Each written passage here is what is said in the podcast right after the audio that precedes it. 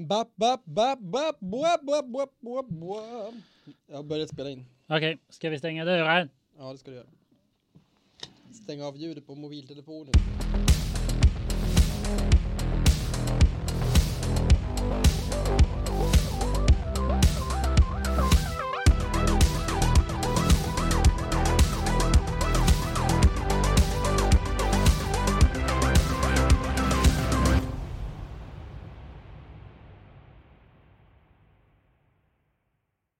En ganska konstig sak är att Lenny har skickat, alltså inte jättemånga, jag trodde det var fler, men jag kollade tillbaka, det var inte så många som jag trodde. Mycket porr-memes till mig. Alltså det är inte memes om porr, utan det är memes om helt vanliga saker, men med porr som själva memes. Jo, men jag vet, jag vet. Det är en Och- grej. Jag måste säga att jag är lite skärrad. Men eh, inte som att jag inte kan ta det, utan mest som att det blir så konstigt man inte förstår ett sånt meme, för då känner man sig så jävla out, alltså borta liksom. Jag kommer ihåg, eh, någon, alltså, någon, ett exempel på hur det kan vara är väl typ så här, någon säger så här, when you show her your magic collection. Och sen hon bara, oh it's so fucking big. och sen så är det så jätte, ja. Exakt, det skulle kunna vara en sån. Eller den mest ikoniska med den här personen som sitter i soffan med tio män bakom sig som Ja. bara tittar suktande. just det. Den är riktigt, riktigt bra. Japp. Ah, ja, har Ja. vi börjat nu? Jag antar det. Vi kan sätta igång. Yes. Hej och välkomna tillbaka till Östermalm. Eller som vi också kallas På stacken. Malm. Din eh, favorit Magic podcast på svenska. Ja, precis. Ett Eh, av de minst edgy påståendena eftersom vi är så vitt jag vet den enda aktiva Magic-podden på svenska. vi väntar fortfarande på att någon annan ska bevisa motsatsen. Så att vi kan skicka hitmen efter dem och sänka dem och fortsätta säga att vi är bäst utan att behöva anstränga oss det minsta. Exakt. Och eh, om inte det var självklart så betyder det alltså att vi spelar in då på Edvards jobb igen. Vi är tillbaka i studion på Strandvägen. Precis. Det känns väl bra? Ja, Idag fick absolut. du en, en, nu eftersom vi verkar vara tillbaka här så fick du en liten visning runt på Östermalm. Japp, så var det. Jag skulle inte säga att det här är mina hoods dock. Jag har i princip inte varit på Östermalm sedan innan. Jag har varit på Dramaten några gånger. Jo, visst. Eh, jag har varit här några gånger i andra sammanhang och sen har jag typ inte varit här alls. Man har, jo, någon gång har jag promenerat till Djurgården den här vägen liksom. That's about it. Sen helt plötsligt börjar man jobba här. Vet aldrig när det händer kids. Nej, så är det. Plötsligt vaknar du upp här. Vad Här fick är- du för något då? Du fick en, eh, Jag fick lite mat och en väldigt dyr eh, biskvi. ja, jag unnade Harry en, eh, en lyxig fika. Jag är väldigt nöjd. Bäst spenderade pengarna för mig. Lika dyr som en booster var biskvin. Ja, Ja, Det är think about it. tänker man på det så känns det jävligt värt. Ja, det kanske var fel, fel, fel exempel. Verkligen, det tror jag. Ja, du jag. bad ju boosters genom butiken liksom. Jag har så, så, så, så här booster avtrubbad. Ja, det det. det har du nämnt förut. Men det var ett to boosters. Ja, jag känner ingenting när jag öppnar dem längre. Nej, Spänningen helt. Det är, jo, jo, vissa. Väldigt Ja, gamla ovanliga boosters. boosters. Ja, ja, Exakt. ja, är inte ja. bara gamla, även typ så här prisboosters. Sådana som man inte kan, kan rippa hur många som helst av. Då blir jo, jag glad. jo, jo, förstås. Collector Ja. boosters ger mig en liten, liten, Pirr. det pirrar till lite i ryggraden. Ja, ja, innan vi börjar. Ja, precis. Vi brukar ju presentera vårat eh, crew lite snabbt också. Eh, när vi satte igång podden så fick vi lite hjälp av några kamrater att eh, skapa dels en eh, jingle som vi fått av eh, Mackarna. Vi har fått ett, eh, ett fint omslagsbild av Nick. Vi har av Ember Artworks fått en liten textlogga som ser ut som Magics textlogga, den gamla. Det är fint. Japp. Och eh, sist men inte minst så får vi också hjälp av eh, Tobbe att ladda upp de här avsnitten.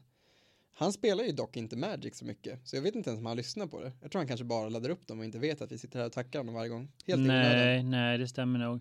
Men eh, han, Han har spelat, han exakt, han spela. har väl det. Han har väl Ja, det. absolut. Ja, jo, det, var, det var länge sedan. Jag, bland annat skäms jag för att jag har eh, hans gamla eh, monoblåa standardlek, den här vidriga eh, den har varit med i podden förut, den är inte just hans lek, men den leken har nämnts. Curious Obsession-leken. Ja, exakt, exakt. Ehm, han hade en sån i standard ett tag. Mm. Eh, så lånade jag den någon gång för att jag ville spela en standardturnering.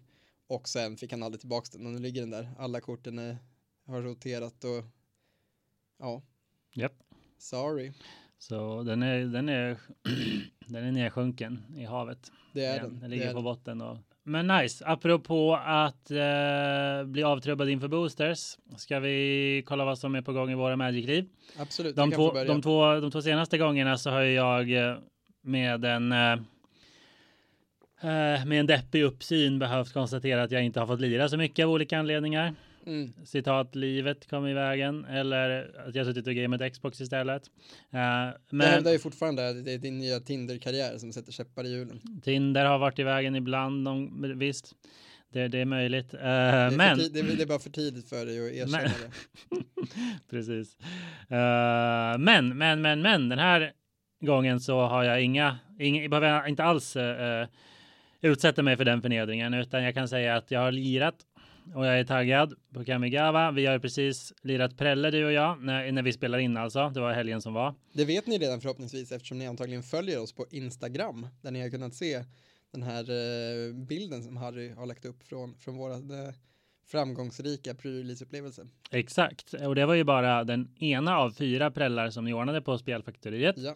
Eh, och det var ju en stor succé, eller hur? Det var det verkligen. Vi har haft slutsåld pre-release Eh, för första gången på, eh, jag tror sen War of the Spark. Och då hade vi inte så här många packs heller. Nej, verkligen. Nej, men det är ju dunder alltså. Jag var med på tre av de fyra prällarna. En var ju Two the Giant med dig då. Ja, och jag var faktiskt bara med på en av de fyra. Det är rekordlågt för min del. Men, eh... Ja, det är du som får skämmas den här gången.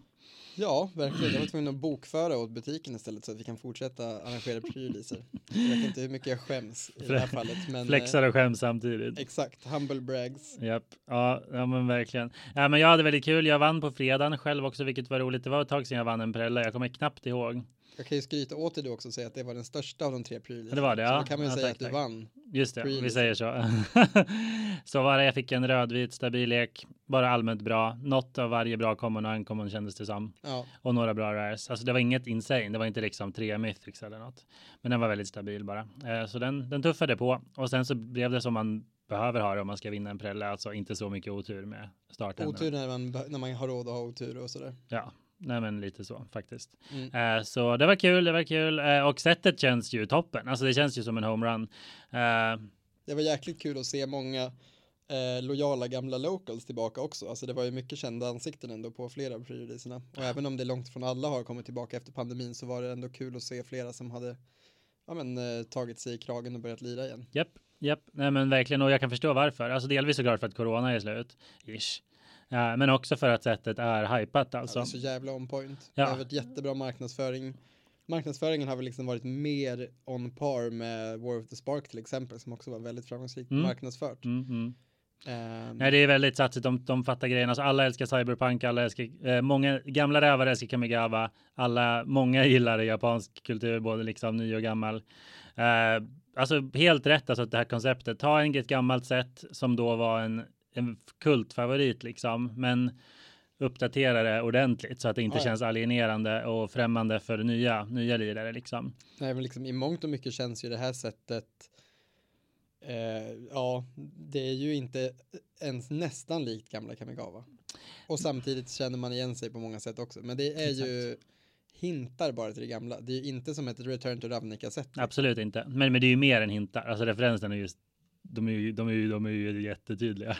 Jo, men mer typ genom sagor och sånt. Alltså ja, mer att så här, referenserna är inte lika, men som, alltså det är inte samma story som fortsätter riktigt. Nej, nej, inte alls. De, det är liksom rört sig så långt eh, i framtiden att det är någonting helt annat. Så är det. Och det är väldigt snyggt, jag vet inte om alla tänker på det, men det här idén är ju just det här med blandningen av gammalt och nytt. Gavin pratade om det på YouTube också, på Good Morning Magic, alltså om hur allt smälter ihop på ett väldigt elegant sätt om man tänker på hur Eh, Japan redan, alltså så som Japan är idag, är ju en spännande mix av gammalt och nytt. Alltså Japan har ju alltid varit förtjusta i hypermodern teknologi och robotar och sånt. Och samtidigt, samtidigt är det det mest konservativa och traditionella landet exakt, i hela världen på exakt, många sätt. Exakt, och du har ju liksom gamla, jo, bygg, du har ju gamla byggnader, du har ju gamla liksom, du har ju sakura, blom, liksom trädparkerna som liksom, ja men är liksom vägg i vägg med ja men vad vet jag, en VR-hall eller något liksom.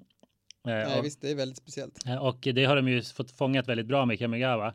Både liksom i ambitionen att just skapa någonting som är till för vår, vi, oss gamla rävar som spelade eh, under Kamigawa-tiden. alltså förra sättet. Ja. Uh, och, uh, men också då uh, för att fånga, alltså fånga cyberpunk-genren liksom, som så många gillar. så det är väldigt snyggt. Jag vet inte heller om ni tänkt på det, men alltså det är spelmässigt, mekaniskt så, så är, visar det här sig ju genom att enchantments är det traditionella och artefakter är det nya. Ja, coolt. Uh, Snyggt. Ja, precis. Du, du, nu när du säger det fattar man det direkt. Liksom. Ja, så enchantments liksom symboliserar ju uh, de som fortfarande dyrkar det gamla Kamigawa. Alla sagor är ju så liksom. Mm. Att de använder uråldrig magi då för att ja, men, åkalla Och de som interagerar med sagorna är väldigt typ så här, de har inte massa lasersvärd exakt, och motorcyklar. Exakt, utan det är de gröna korten, vita korten, det är samurajer liksom och det är druider av olika slag eh, och magiska varelser som liksom fortfarande lever i skogarna och sånt. Så det är väldigt, väldigt stiligt. Ja. För övrigt, det var lite roligt. Jag mötte i finalen på på första aprellen. jag tror det var Kristoffer Lee heter han så. Ja. ja. han sa det att uh, han kommenterade att jag uh, ofta säger att vi är gamla rävar i podden och nu sa jag det igen. ja, han lyssnar också på podden. Ja, exakt. Ja, trevligt, och, han sa, och han sa även att det var roligt att jag fick vinna med en rävlek i, um, på prällen, vilket inte var helt sant, men jag hade ganska många foxes. Vilken, ja, väldigt uppmärksamt. Ja.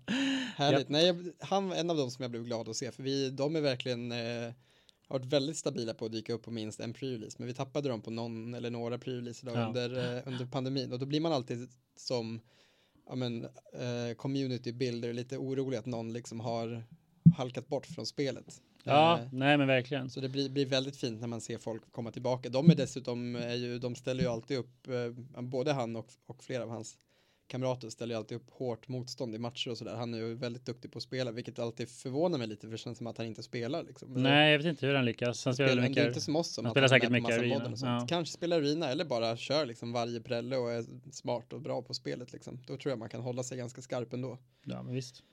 Ja, så är det. Jag, jag körde också en draft på Arena igår. Det var kul också. Enchantment känns starkt. Eh, alltså just gå all in på den synergin i limited och så. Mm. Det var så det gjorde, gjorde jag på en av prällarna också. Men jag, jag, tror på det verkligen. Det är väldigt känns balanserat och, och roligt. Samurai är typ det svagaste har jag hört, men även det är ju bra om man, om man verkligen får till det. Ja, ja. Eh, en annan grej jag måste väl passa på att nämna. Eh, spelet har ju sin uh, insamling Ja, Vill du säga något om den? Butiken håller på igen och samlar in. Vi gör ju det någon gång om året har det faktiskt blivit nu i genomsnitt. Ja, åtminstone uh, senaste. Nej, ja. varje faktiskt. Vi har nog kört. Vi körde någon första året samlade vi in pengar till stolarna. Just det, och sen, stolarna. Ja, vi har haft någon slags insamling varje år faktiskt. Det är sant. Um, och förra insamlingen var ju av det tråkigare slaget. Det var ju för att så här, ja, nu är det så jävla dåligt på grund av pandemin att för att vi ska kunna fortsätta utveckla butiken överhuvudtaget så måste vi få in eh, mer pengar. Vi hade klarat oss men det hade liksom varit en jävligt tråkig tillvaro. Ja. Nu är det helt andra anslag för nu handlar det mer om att vi vill göra en satsning på den lokalen vi har, alltså köpa in bättre möbler och sådana grejer. Ja. Och det skulle ta lång tid om vi ska finansiera det här genom vårt överskott som är befintligt men väldigt litet och egentligen behöver gå till mer löner och sånt. Jo. Och därför hoppas vi då att vi ska kunna få eh, de som ska använda den här inredningen att vara med och, och och pusha till lite extra och det verkar ändå gå framåt nu. Jag tycker det har varit en, eh, det är inte alls liksom samma dramatiska inledning som med vår förra insamling för då var det verkligen eh, en enorm uppslutning på ett annat sätt som jag tror för att folk verkligen fattade allvaret. Nu är det lite mer roligt, eh, vilket gör att eh, jag har inte alls samma förväntningar, men jag tycker att folk, de insamlingar som har dykt upp, för vi kör ju lite typ som Musikhjälpen, att vi låter folk själva göra insamlingar. Så dels kan man donera direkt till oss, precis som Musikhjälpen. Ja, visst. Men Musikhjälpen har ju också de här egna bössorna. Vi kör en liten sån grej att vi hoppas att de, flesta, de mesta pengarna kommer in via folks roliga små eventiga insamlingar. Så bland annat var det en uh, hjälte, Emmy, som bakade massa paj till prylisen i fredags. Yeah. Så fick man swisha valfritt belopp och äta paj.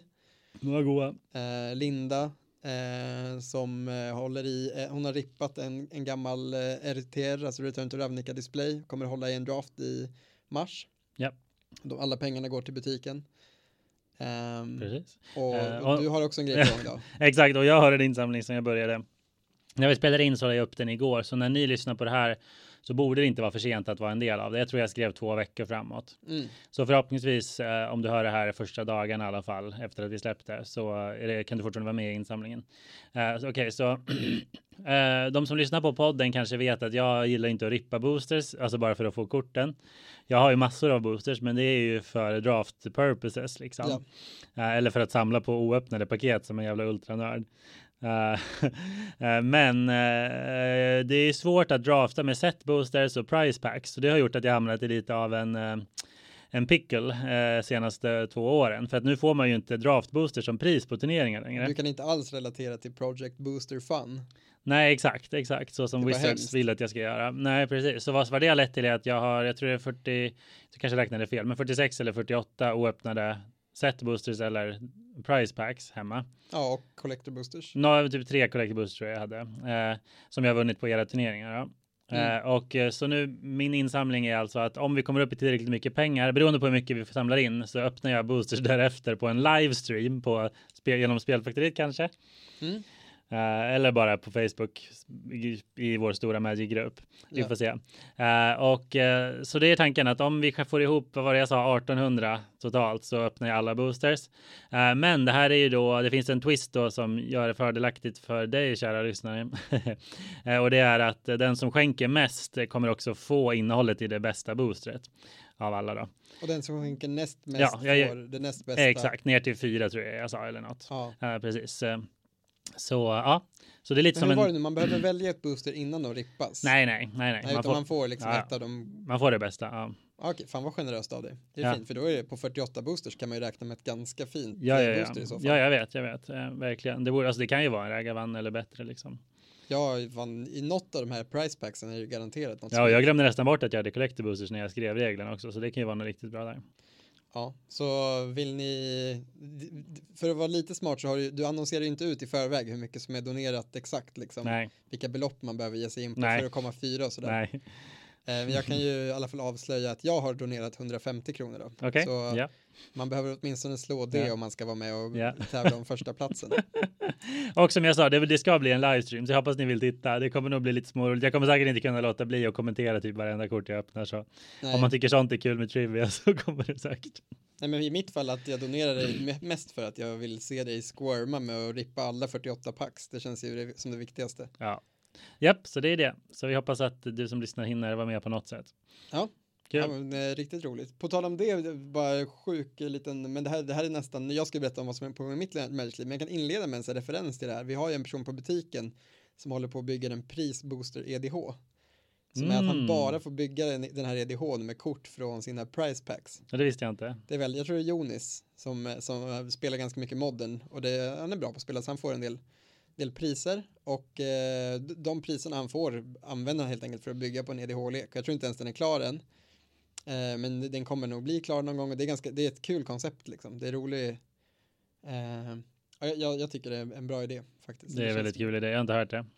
Ja, vad händer i ditt liv? Då har du redan sagt lite. Ja, men jag har ju dels påminner ju lite om dig just nu, för jag har ju mitt jobb och eh, jag både jobbar, pluggar, driver en butik. Det blir liksom inte allt för många timmar kvar till eh, spelande och sen efter spelande ska jag också ha tid med, med min eh, sambo då. Mm. Så eh, ja, i den ordningen förstås. Och eh, det blir inte jättemycket tid spelandet, men jag hinner ändå spela. Eh, lite Commander när jag är hemma oftast, alltså när jag är hemma i Eskilstuna. Jo. Och eh, även nu pre-release och jag försöker spela limited. Men grejen är att det har varit så mycket folk som spelar limited i Eskilstuna på sistone så det är sällan det behövs att vi från butiken är med och är nummer åtta liksom. Nej, för så har det varit tidigare år. Ja, ja, väldigt ofta. Eller att man till och med är nummer sex. Men numera känns det ju som att man, alltså jag, ja, jag har haft svårt att få plats på drafter faktiskt. Ja. Um, men ja, det kommer det råda bot på. Nu på fredag ska jag åka hem och spela. Det blir yeah. en jäkla spelhelg för mig. För dels okay. har jag haft pre-release precis som du fick spela Tour the Giant tillsammans med dig. Yeah. Mycket framgångsrikt. Yep, vi yep. lyckades ju peta in en vinst, vilket jag var orolig för när vi började. Du var orolig att vi skulle vinna. Att vi skulle vinna. För du, du tycker det är lite skämmigt.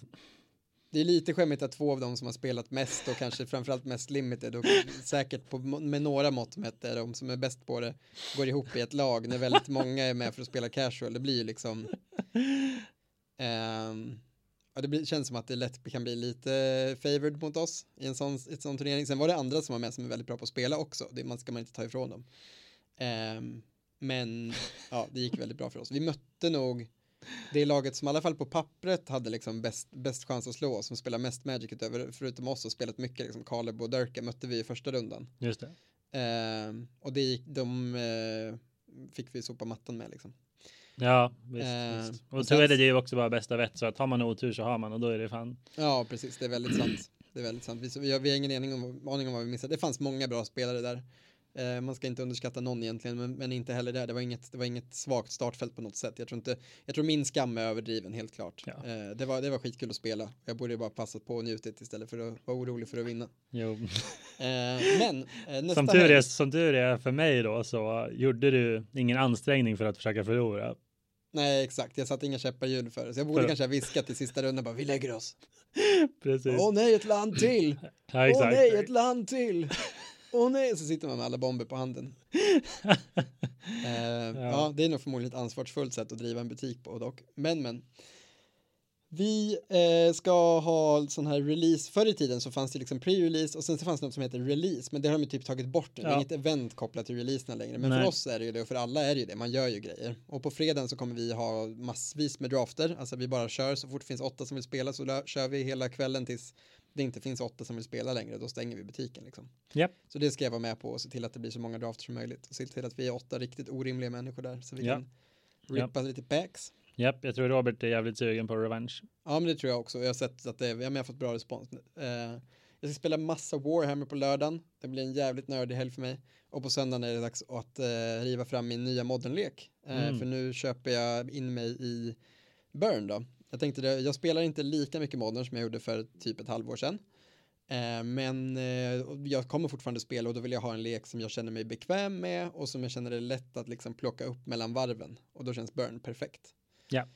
Um, jag tror jag kan göra leken rättvisa och det, ja, jag bara ser fram emot att spela Burn i både, både modern och pre-modern. Det är skönt, inte behöva Exakt. Um, göra någon större grej av det. Och uh, att jag tog upp det här nu är ingen slump. Nej, För nu, uh, Burn hänger ihop med en av Magics fem färger i väldigt hög utsträckning. Även om någon Spice jävel säkert har lyckats bygga en, en, en blå blå-svart burnlek någon gång eh, så är det inte det man brukar förknippa det med utan det förknippas förstås med färgen.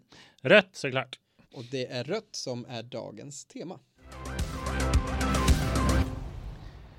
Men precis eh, och eh, vana lyssnare vet ju att det här blir ju då del två i vår sporadiska poddserie om Magics färger. Mm. Och för att ett par avsnitt sen så spelade vi in ett Uh, en episod där vi bara snackade om färgen vitt.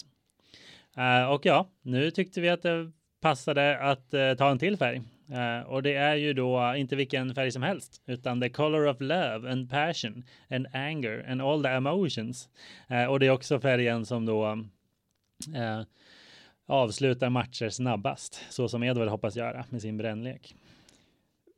Ja, det är intressant att du säger det. Frågan är om det är den leken som, jag, jag tänker att eh, det, det, är ett bold statement, men, men eh, nu känner jag mig också lite, lite anal som måste, måste säga emot det, för jag förstår precis vad du menar. Det är den aggressiva färgen i ordets traditionella mening. Precis. Men eh, avsluta matcher snabbast, det, det är väl de här eh, nesliga kombolekarna som lika ofta spelar blått som rött. Ja, och de avslutar också med ofta matchen med att förlora. ja, det är också sant, men det gör väl egentligen alla lekar.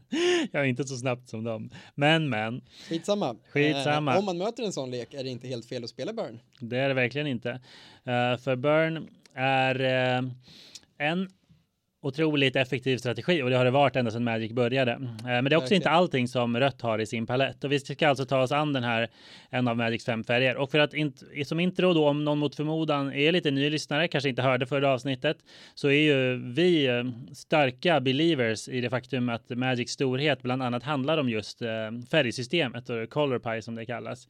Alltså det här med att det finns fem färger av mana och har funnits det ända sedan alfa sen första utgåvan och där varje färg har sina styrkor och svagheter, men också sin filosofi. Ja, och för att inte helt behöva gå igenom färg, Nej, precis. Det, färgfilosofin i Magic så tänker jag att ni jättegärna får kika lite på det förra avsnittet, eh, om ni inte redan har gjort det, som heter eh, Vitt, mm. eh, kommunister och kristdemokrater. Precis. Eh, det, det avsnittet förklarar vi lite mer om Color Pie för att inte behöva liksom göra det i varje färgavsnitt. Nej, precis. Exakt. Utan nu kommer vi prata mer om rött. Stämmer bra det. Och eh, rött är faktiskt, jag skulle nog säga att det är min favoritfärg ändå. Om jag måste välja. Alltså det jobbigaste är ju att det var ganska lätt att säga att vitt är den minst, min minsta favoritfärg, tror jag. Ja, men det är det. Men härifrån är det svårare. För att jag kan, alla fyra färger som är kvar skulle jag i någon, kanske grönt är nog inte min favorit, men de tre Grixis-färgerna där har jag liksom svårt att börja urskilja. Men rött är inte min favvo ändå, faktiskt. Nej. Men ja, för dig, dig förknippar jag nog mycket med rött, roligt nog. Du känns inte som en så röd person, men i Magic är du en väldigt röd, du spelar nog mycket rött nu när jag tänker efter. Japp, så är det. Eh, och ehm, för mig handlar det nog om allt ifrån spelstilen, alltså självklart burn, men också den lite mer wonky varianten, alltså som röd kontroll som vi kommer till sen. Mm. Uh, men också förstås drakar som vi pratade om i förra avsnittet. Goblins, alltså både goblins och drakar var ju min introduktion till Magic. Alltså jag hade en goblinlek, jag hade en draklek. Eh, det är ju figurer som jag verkligen gillar liksom. Eh, du har helt rätt, jag gjorde ett sånt personlighetstest och jag blev ju typ Esper tror jag, alltså i filosofiskt liksom. Mm. Eh, så där är jag inte med. Men vad är det jag inte har då som rött har? Ja, vi kan ju börja i den änden. För att rötts filosofi är väldigt är nog ändå ganska relaterbar och åtminstone är den något som jag tror vi alla kan känna igen oss delvis i. Vi kan också känna igen det väldigt mycket i de berättelser som vi uppskattar. För rött handlar ju om frihet och individen väldigt mycket. Ja, verkligen. Och att vara spontan, att vara, att vara spontan och impulsiv. Alltså att inte liksom, eh, om du tänker rött är inte den som står och filosoferar och funderar över ett beslut, utan rött kommer bara känna efter vad vill jag och sen gå på den liksom linjen eller liksom fundera inte på kanske främst typ vad är eh, långsiktigt smartast utan vad känner jag för just nu. Exakt och för att jag så ungefär så som Maro och Mark Rosewater beskriver det, för han är ju då Color Pie-ansvarig, att uh, han skriver det på, på Wizards sida, att uh, andra färger är väldigt uh, upptagna med att grubbla över vad som är meningen med livet och så vidare, medan rött aldrig har tvekat på det, utan för rött så är det bara du själv som vet det och det svaret finns i ditt eget hjärta liksom. Ja. och Ja, så länge du litar på dig själv eh, så kommer det gå bra på något sätt. Eh, och rött handlar väldigt mycket om att ge alla människor eh, och andra djur och varelser i Magic eh, en chans att just leva ut sin passion. Ja, just det, för du får liksom inte, det blir den här lite klassiskt liberala grejen om att din frihet sträcker sig inte längre än vad andras frihet gör. Du får liksom bara, din frihet kommer bara så långt att den krockar med någon annans frihet. Och så länge de inte försöker störa din frihet så, ja, du fattar.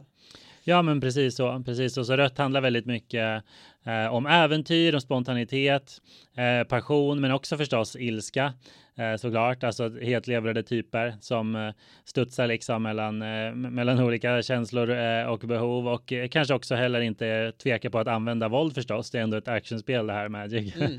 eh, åtminstone om det handlar om att skydda sig själv och skydda dem man tycker om, alltså sina vänner. Rött är ju verkligen en sån, det här klassiska trolley problem. Alltså du vet så här, räddar du en kompis eller fem som du inte känner typ. Något sånt. Räddar du en kompis. Liksom. Rött skulle absolut rädda sin kompis ja, medan vitt skulle verkligen inte göra det.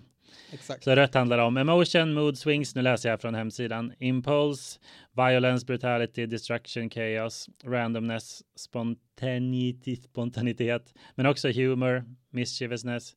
Uh, och sen när vi kommer till just Magic förstås. Fire and Earth and Lightning. ja, just det. Men vi kommer till mer till mekanikerna snart. Ja, för jag tänker en annan sak om man ska prata mer. En del av Color Pine är att man har vän och fiendefärger. Liksom. Ja. Jag tänker vad, hur, inte, eller hur relaterar rött till de andra färgerna? Yep. Och då tänker jag vänfärgerna. Eh, ja, dels har du det gröna. Vad har man för något gemensamt med det gröna? Jo, dels har du det här som vi redan har varit inne på. Det här lite spontana. Det här, eh, eh, ja men du följer din egen väg. Eh, det, det, det relaterar också väldigt mycket till det svarta ärligt talat. Alltså det här med att du, du utgår ifrån dig själv och vad som är bra, alltså vad du vill. Precis som det svarta kollektivet är sekundärt för det röda också. Det röda har mer det kanske, alltså mer kollektivt. För det är nästan svarts anti, yeah. antites på många sätt. Medans, eh, men, för det, men det röda har också liksom det här, eh, du utgår ifrån dig själv. Men kanske inte i lika hög utsträckning på andras bekostnad som, som eh, det svarta. Nej, men exakt, exakt. Jag tror, jag tror det är en viss eh, det är väl där möjligtvis skillnaden är, men likheten är ju ganska slående. Det är väldigt mycket eh, just att tänka på sitt eget bästa och de, de närmsta bara liksom. Men något som skiljer det röda och det svarta är ju att det svarta står ju ändå inte för samma, alltså anarki på något sätt som det röda. För anarki är ett ord som jag tänker passar bra in med det röda, liksom att du, varför ska du stå över mig? Det skiter jag i. Eh, och sen liksom slår man sin barbarledare på käften. Ja, exakt. Jag tänker att... Medan den svarta liksom kommer bara slicka röv tills den kan hugga sin barbarledare i ryggen. Liksom. Mm, nej men verkligen bra, bra exempel. Jag tror också det så. Rött bryr sig faktiskt om the little guy, precis som vitt faktiskt på ett sätt. Mm. Alltså rött är absolut, rött är väl kanske mer en sån, eh, vad ska man säga om man jämför med, med faktiska liksom ideologier så är det väl mer att de rött tror väldigt mycket på merit, meritokratin. alltså att om du så är en bra och duktig och smart person liksom så är du lika mycket värd som andra så länge du gör din grej och tillför mycket liksom och bara är allmänt bra. Mm. Alltså du kan kämpa dig upp liksom. Eh, jag tror verkligen att rött gillar det. Alltså rött har nog väldigt stora problem med monarki och sånt. Liksom. Ja, traditionella hierarkier. Ja. Att du säger jag bestämmer över dig för att det är så här. Exakt. Man bara okej, okay, men om jag slår dig i huvudet med en yxa, bestämmer du över mig då? Och de bara, alltså vad? Och så slår de dem med en huvud yxa. Okej, okay, vem bestämmer nu då? Exakt. Bitch. Precis, precis. Då till skillnad också från svart som inte har något, egentligen något problem med det. Exakt. Ja. Så där, och där kommer vi in på en till, en till kontrast mot det gröna. Att det gröna är ju också någonting väldigt kollektivt, alltså väldigt mycket typ yep Eh, alltså det här individuella som är i det röda, det finns inte alls hos det gröna. Men däremot något som de verkligen delar är ju det här eh, tradition, alltså man vänder sig mot typ eh, system och traditioner som är liksom skapade av människor utan, alltså jag har inte lika stort behov av att förändra hela, alltså så här, omstöpa saker tror jag med det. Alltså rött är ju inte kanske ett fan av så här stora omvälvande förändringar liksom för att någon får för sig det bara. Alltså sånt som påverkar hela samhället eller hela, hela ett plane då till exempel. I, vilket syns väldigt tydligt på. Ja, det beror på vad, vad planet har för problem. Jo, det är klart. Det är klart. Om, om, om det är ett förtryckande, liksom. De, Där det inte finns något utrymme för att uttrycka sig själv. Liksom. Nej, exakt. Då, då, då reser de sig ju alltid. Ja, precis. Ja, men det är det, det är verkligen. Uh, och det ser vi också bland creature types, alltså på just delvis ibland kanske rebeller, även om de ofta är vita också. Men kanske mer berserkers och barbarians och warriors, alltså så här som reser i sitt pack, liksom mongolerna på slätten, liksom. Som lever på sitt sätt uh, och inte tänker och, och ja, men verkligen eh, inte tänker lyssna ett jävla skit om vad någon härskare tycker och tänker att de borde göra. Om inte den härskaren är starkare liksom. Ja, möjligtvis då, ja. ja. Det, då kan man joina upp, ja. Typiska röda ledare i spelet så är ju väldigt ofta de väldigt liksom, de är fysiskt starka ofta. Ja, men verkligen. Det är så man blir en röd ledare. Ingen, ja. Din undersåte ja. kan inte slå dig på käften liksom. Verkligen, och det är något de, eh, som man verkligen ser också i grul faktiskt. Alltså apropå vän, om vi ska knyta tillbaka till vänfärger. Mm. Alltså grul är ett bra exempel på där man ser anarkistiska. För det delar ju rött och grönt verkligen. Eh, de har sina egna traditioner, de vill få vara i fred och de vill ha väldigt mycket svängrum inom det liksom. Och de har väldigt stora problem med hur blått och vitt kommer in med regler och nya uppfinningar och försöker ta deras mark och sådär det som är lite spännande där är ju att då kommer liksom det kollektiva i det gröna in i det röda. Ja, faktiskt. Men det kaotiska och uppkäfta i det röda kommer in i det ja. gröna. Som, ja, men det är bra exempel. Medans, eh, vad som händer när du blandar rött och svart är att det blir någonting väldigt kaotiskt. Ja. Eh, men det klarar liksom inte av att vara så där rakt igenom egen, eh, säga, egoistiskt som det svarta är. För att det blir liksom mer spontant och mindre planerat. Det klart, ja. alltså, så då får du Raktos för att de lever liksom ut någonting väldigt, eh, ja men det här lite Hedonism och, ja. Mm. Eh, men inte så mycket på genom att sparka neråt bara, utan de sparkar åt alla håll helt plötsligt ja, istället. Ja, ja. Nej men eh. verkligen, bra beskrivet. Men precis, men som vi redan har varit inne lite på, rött har ju problem va? Och det är ju med vitt och blått i första hand. ja, men nu, med det blåa så är det ju det här eftertänksamma och sävliga och att man ska liksom tänka tre år i förväg innan man gör någonting och det hatar de ju. De bara, vad fan, håll käften, jag vet redan vad jag vill. Jag behöver inte dra några kort. Slår dig på två istället. Precis. Och det här med att blott eh, väljer liksom, försöker intellektualisera och rationalisera saker istället för att bara låta dem ske, alltså och lita på sig själv liksom. Ja, ja, att blott försöker ta reda på vad som är bäst hela tiden, alltså för mm. typ alla. Eh, eller liksom försöka räkna ut, alltså räkna ut saker liksom. Ja. Medan rött säger så här, men svaret finns ju redan om du känner efter bara liksom. Eh, det kan man känna igen från sitt eget liv. Jag har blivit anklagad för att vara för blå. eh, och, det, och som jag sa, det blev det också när man faktiskt gjorde testet. Så jag borde väl fortsätta inspireras av min röda sida. Uh, men ja, precis. Och som vi redan sagt, vitt älskar ju lager och regler för att maximera folks välmående, men det tänker ju rött inte ha någon del av.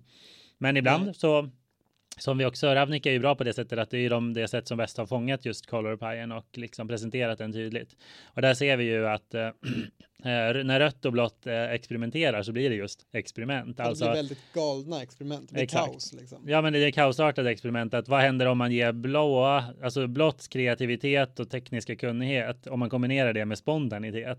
Och, ja. och recklessness. Ja, och precis. Och att, att liksom uppfinningarna går före liksom Ja, men det långsiktiga eller vad man ska säga eh, och låter det ja, testa på och då blir det ju isset då som vi känner till, vilket är ju, ja, men tycker jag som alltid med Ravnicke då att det är verkligen.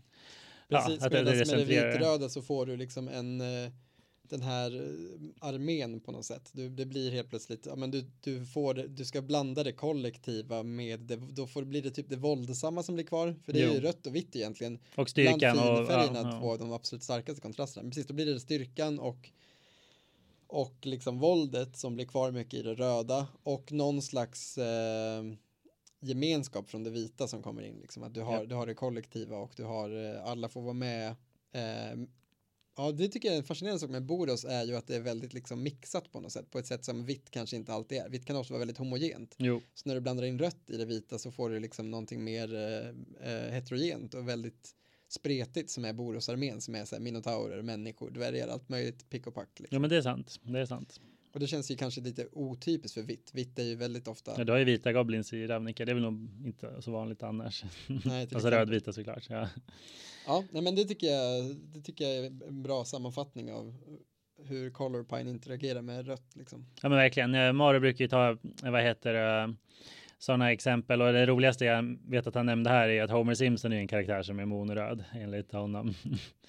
ja, just det, just det. Han är väldigt så alltså self, eller han gör bara det han vill liksom. Eh, men han är inte ond. Nej, alltså, exakt. Han, exakt. han medvetet skadar inte någon annan utan han är bara så jävla reckless att det går ut över andra människor hela ja, tiden. Ja, och i, om, i Simpsons så finns det ju många klassiska avsnitt där hans liksom, det är en av de vanligaste plotlinesen. Alltså att Homers uh, uh, impulsivitet, att han bara hakar på saker, skadar också hans familj. Men han mår ju också väldigt dåligt över det. Det är också det för många... Att hans familj är viktig för honom. Ja, exakt. Att han, bryr, han bryr sig ju väldigt mycket om dem. Det finns jättemånga starka avsnitt och det är därför jag, alltså Simpsons karaktärer, åtminstone när det var bra, hade ju ändå hjärta på något sätt. Alltså vissa, nu ska jag inte starta det här kriget, men jag tror att få skulle hålla med. Få, skulle säga emot att till exempel Peter Griffin i Family Guy har den där värmen och hjärtat lika mycket som Homer ändå har. Nej, han är bara vidrig. Ja, men oftast ja.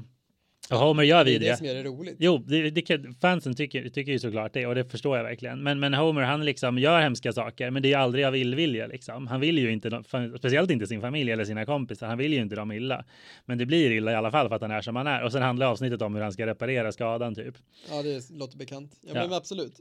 Och samma sak om man tänker Ja, men det är ett bra exempel, förlåt, jag ska inte, jag ska inte fylla i. Jag tänker att, eh, att det, det, är en väldigt bra exempel på en monoröd, eh, monoröd person.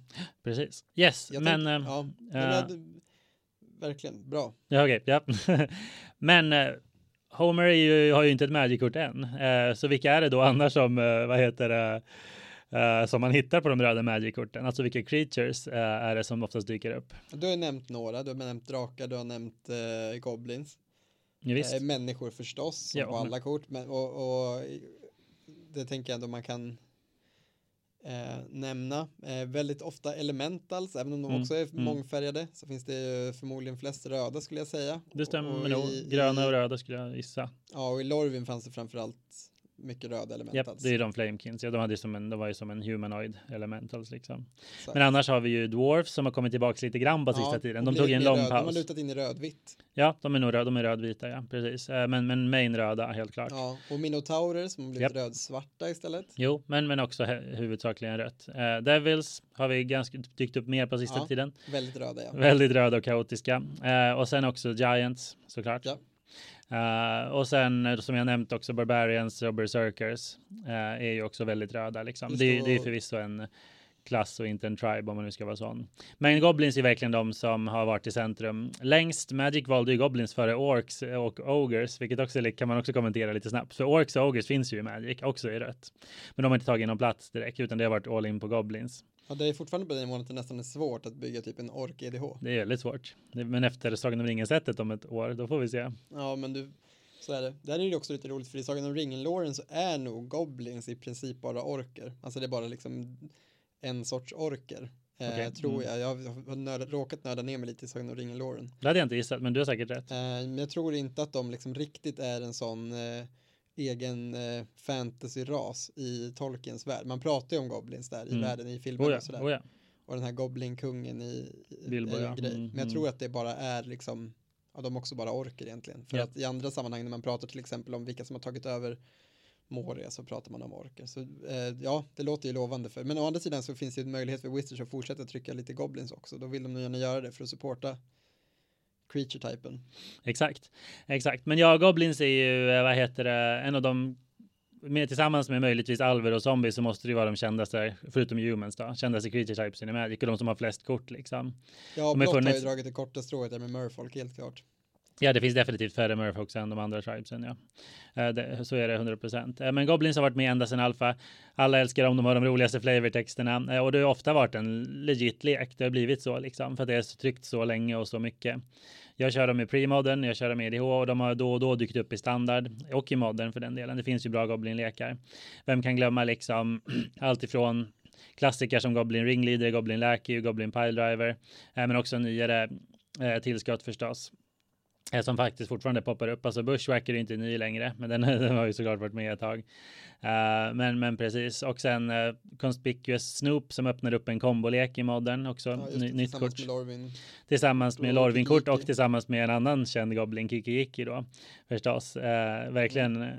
Och, men också legendariska eh, Goblins. Eh, eller ja, inte alltid legendariska, men mer, mer klassiska karaktärer verkligen som eh, eh, som Slåbad och Squee förstås, Mm. eh, som, alltid, som aldrig kan dö. Goblin Welder är en av de mäktigaste korten i hela, mäktigaste creaturena i hela Magic, som tror jag väldigt få har någonsin fått använda. Men när Ja, man väl gör det så, eh, då jävla förstår man. Ja, när den ballar ur så ballar den verkligen ur. Eh, ja, men väldigt, eh, för mig Goblins kommer alltid vara, ha en väldigt speciell eh, plats i mitt hjärta. Eh, jag ångrar nästan att jag inte köpte en Goblin 7th edition Goblin Foil, Goblin Matron. Eh, för det, det är för dyrt nu. Men det som är roligt tänker jag med, med Goblins är att de på många sätt representerar rött väldigt bra. Ja. Så jag tycker drakar inte alltid gör det. De känns ju i sin natur ganska svartblåa. Okej, Alltså, i mm, deras ja, men den här, sluga eh, biten ja. Mm. Ja, men sluga, superegoistiska, vem fan bryr de sig om förutom sig själva och så vidare. De, de är ju röda i spelet utan tvivel.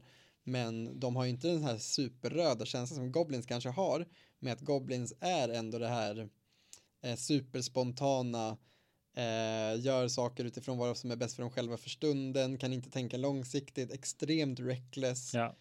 Eh, ja, jag vet inte, jag tycker de, de är liksom de är superindividualistiska fast att de är så himla kollektiv, alltså alltid lever i stora kollektiv så är det alltid Mm. så att alla goblins bara väntar på att trampa på sin kompis för att kliva upp ett steg i jag vet inte, Japp. de, är- de är svaga men de vet du, avgudar styrka alltid också. Det är en rolig sak med goblins. Att de verkligen så här, all- de är väldigt svaga av naturen men det är det enda de vill är att bli väldigt starka oftast. Japp, tänker på flavortexten till Goblin King, eh, vet du.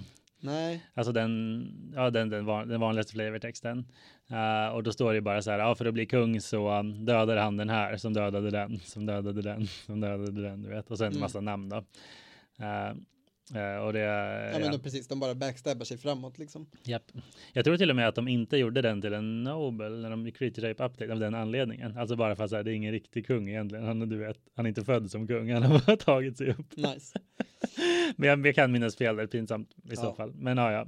Men det är också, det, man kan ju säga här att eh, rött till skillnad från till exempel vitt tycker jag inte har lika många tydliga creature types på det sättet. Alltså när vi pratar om vitt då var det liksom, kändes det bredare och så här, Mm, det är fler som på något sätt så här starka creatures som solklart tillhör vitt Ja. förknippas med vitt. Ja, och svart har ju ännu fler vi kommer komma till säkert. Ja men precis, medan rött kan jag känna de delar många av sina creature types med andra. Det Goblins känns ju solklart röda, men många av de Mm. andra som vi var inne på, man bara, ja men de är också det här. Ja, drakar känns ju som att de har blivit väldigt, har, rött är ju mest drakar, men de har ju tappat drakar till, drakar är väldigt femfärgat. Ja, men verkligen. Alldeles verkligen. för coolt för att ha för sig själv. Det var väl det de insåg tror jag. Det pratade vi om lite, både i förra avsnittet om drakar just, så vi ska inte prata för länge om dem nu. Men också när vi pratar om liksom nya och gamla Magic, det var väl att så här, ja men de insåg att alla älskar drakar. Eh, och vi vill ha det i varje set liksom. För att alla Magic-set har ju typ en röd drake. Men nu är det ibland andra färger också, ganska Ja, det ofta. finns ju oftast en multicolor legendary drake i de flesta sätt. Ja, men nästan. Det känns typ så. Eh, och, eh, men, men, men i grund och botten så är det rött och det handlar ju mycket om eh, styrka, frihet. Alltså drakar är ju egoistiska liksom. Mm. Eh, och de är, men förstås om man ska vara ärlig så handlar det om eld såklart. Alltså att de sprutar eld. Det är därför de fick bli röda tror jag. Oh, ja. Eh, och de har ju liksom firebreeding, ändå gått tillbaka till Shivan Dragon som vi pratade om i, i förra avsnittet. Men vi ska inte stanna för mycket och prata om drakar för att vi vet ju hur det går. Eh, så vi, och det får man lyssna om förra avsnittet istället. Men vi kan prata lite om de röda karaktärerna som vill jag känna i spelet. Gärna. Eh, och där så har vi ju ingen mindre än vad jag kanske skulle säga den kändaste, den största posterpersonen nummer ett av alla i Magic nu. Jag skulle säga att Chandra syns mer än Jace nu för tiden. Och, och därmed... är en väldigt bra bett på en av de starkaste karaktärerna. Alltså de största ja, personligheterna. Starkaste ja. profilen. Hon, jag, jag, skulle nog våga säga att det är, hon är nog nummer ett. Alltså den som liksom är mest förknippad med spelet nu. Jag skulle, Jace var det skulle jag säga för typ 5-10 år sedan. Men de har slutat, han printas inte lika ofta längre. Kan ju också vara ett medvetet beslut att det är lite trött med en vit man som sin absoluta frontfigur för ett sätt som spelas av vita män. Så Nej, man kan ha en vit tjej. En medveten strategi. ja. Jo, förvisso. Men, men ja. Wizards har ju haft en medveten strategi med att försöka skapa diversitet. Då kanske det är dumt om man vill göra det. Ja, jag tror det. Jag tror det säkert stämmer. Men jag tror också att det handlar om att Jace aldrig varit särskilt kul karaktär. Alltså jag är ingen loremaster.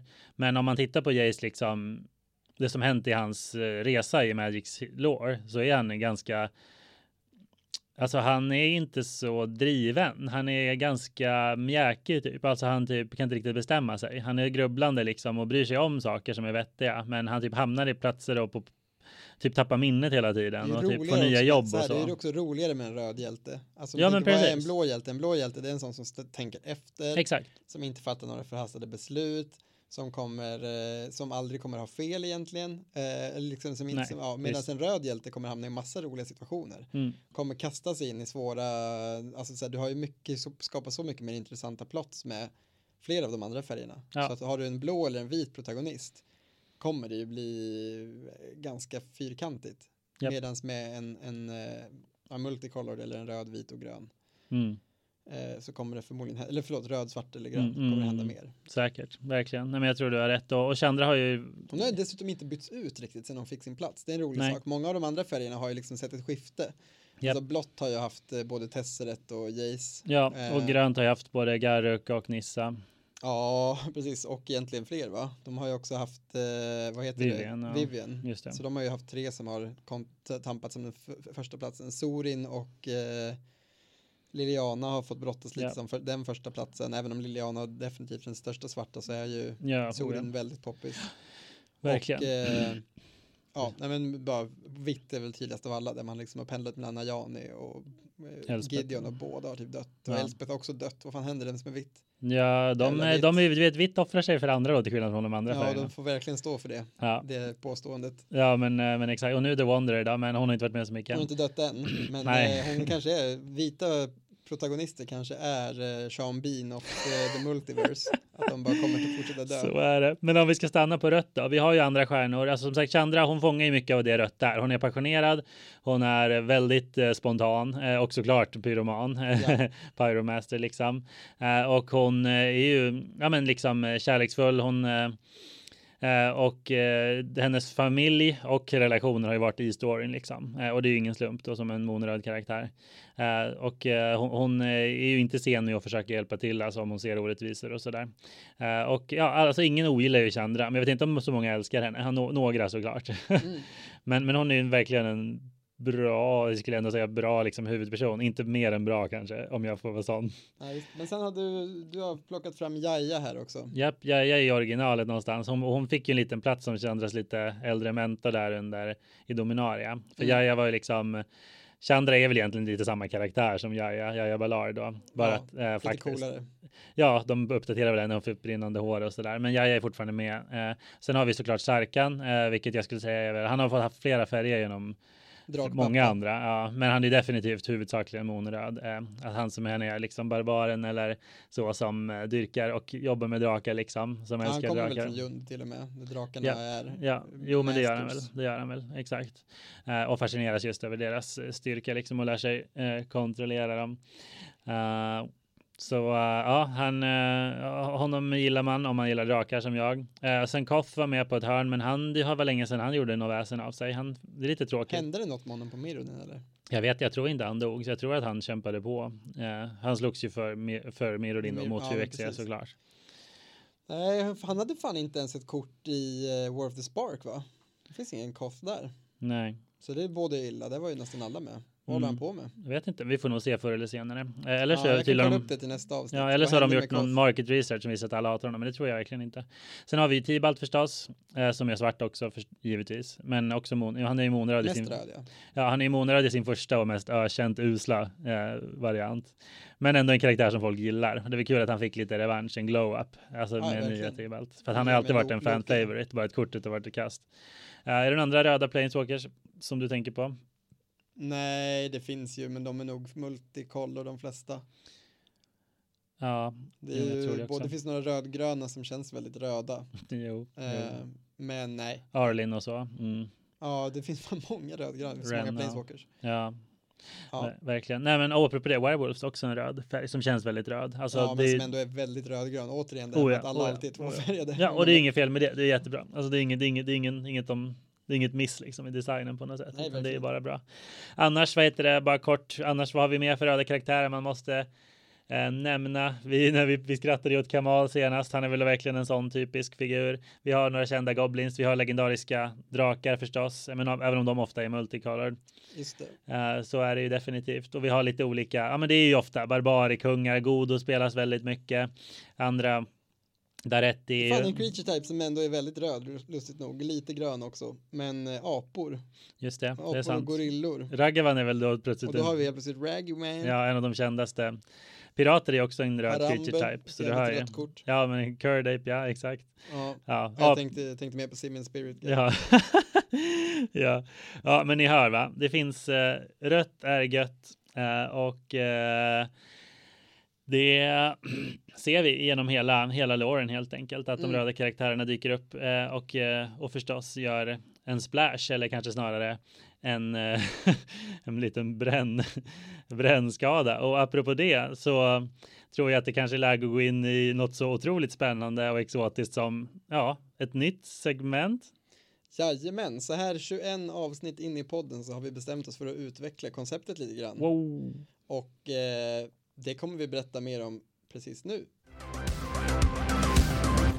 Det är inte alltid eh, förnyelse som är det man längtar efter, utan många är ju väldigt traditionsbundna. Men sån är inte jag, som bekant. De som känner mig vet att jag gärna kastar in olika saker. Och eh, i avsnitt 20 fick ni höra mig brottas med Harrys eh, absolut vedervärdiga förmåga att leverera topp 10-listor. De blir ju väldigt bra, men de är ju inte topp 10-listor. Så jag tänkte vi ska öva på det konceptet genom att ha en topp 10-lista i alla avsnitt. Det stämmer faktiskt och jag, även om jag beundrar ditt eh, försök då att eh, ja, men jobba på personlig utveckling för mig då. Eh, det är ju väldigt fint av dig. Men jag tror också att det här segmentet är med för att folk helt enkelt gillar topp 10-listor. Om inte annat så gör vi det. Ja, Och det är för oss verkligen. själva vi gör det här mest. Så Men, men, men precis, men, men också helt ärligt, det är ju så. Fråga Watch Mojo. Fråga Watch Mojo om folk gillar topp 10-listor. man, man kan ha råkat kolla på Mo- Watch Mojos som man önskar att man inte kollade på. Så är man är det. så jävla sugen på att se det. Japp, och fråga Buzzfeed, topp 10-listor. Nu är det, varit, tror jag, ganska dåligt för Buzzfeed, rätt åt dem, men topp 10-listor. Ja, Det är det folk vill ha. Eh, tio år för sent, eller 20 kanske, så börjar vi också med topp 10-listor. Varför inte? Japp, så idén är att i mitten av varje avsnitt så ska vi ha en snabb topp 10-lista relaterad till avsnittet. Det är det temat alltså. Ofta relaterat till avsnittet. Inga Ja. löften som Um, vanligt. Nej, Det true. kommer i alla fall vara en topp 10-lista, så är det. Och eh, idag har jag lyckats förhandla till mig. Vi började med att försöka med andra saker relaterat till rött, men Harry fick ont för att han inte liksom fick två dagar på sig att förbereda sig och researcha. Så är det. Tills vi landade i någonting vi kunde enas om. Japp. Och idag blev det topp 10 brännspells. Japp, och eh, vi har ingen tid att förlora så vi kör. Topp 10 brännspels, röda brännspels. Ja. Men, det- men det hade varit svårt att få in andra. Det Men blir ja. inte så många andra, nej. Nej. Det finns några, men vem bryr sig? Nej, exakt. Hurricane. Nej. Mm, Precis. Ja, utan nu pratar vi eh, 10 brännspel som vi ligger oss varmt om hjärtat, som vi tycker är med på, förtjänar en plats på topp 10. Japp. Och det är bara, bara instant sorceries va? Inte nödvändigtvis de bästa i modern till exempel. Nej, Eller nej. Sånt. Er. ikoniska och trevliga. Exakt. Eh, I bara instant sorceries va? Vi har bara Instant Sorceries, för man skulle kunna ha med typ Sulfuric Vor- Vortex eller eh, fyr, fyrmana Chandra, Torch of Defiance, Defiance eller Eidolon. Eidolon, ja absolut. Men det, utan vi kör ju riktiga brännspels. Ja. Ja, Så, så, nu, så är det. yes, på plats 10.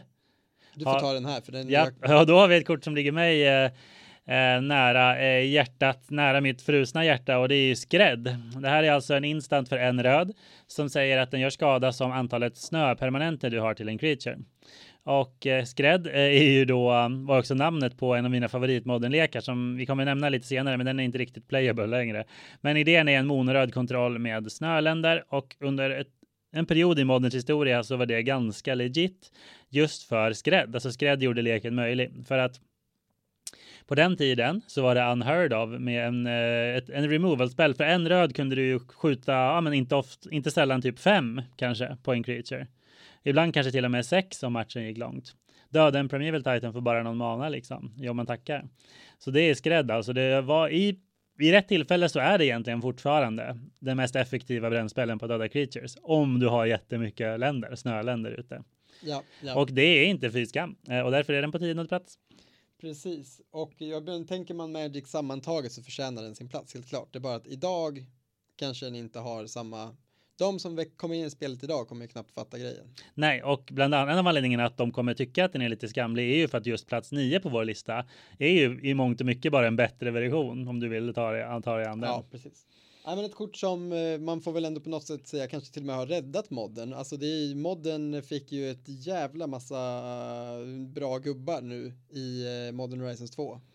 Och eh, tack och lov fick vi också två helt, minst två helt sanslösa removals eh, i form av eh, Unholy Heat bland annat. Mm. För en röd spel, eller en röd mana så kan du skjuta en creature eller planeswalker. Mycket viktigt att det också är planeswalkers. Till skillnad från skrädd. Eh, på två.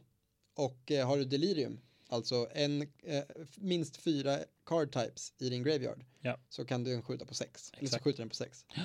Och eh, det betyder ju att den dödar i princip allt och kanske inte en fullt chonky Murktide Regent. Eller Griselbrand typ. Eller typ Griselbrand, men väldigt, väldigt mycket annat i detta format som heter eh, modern.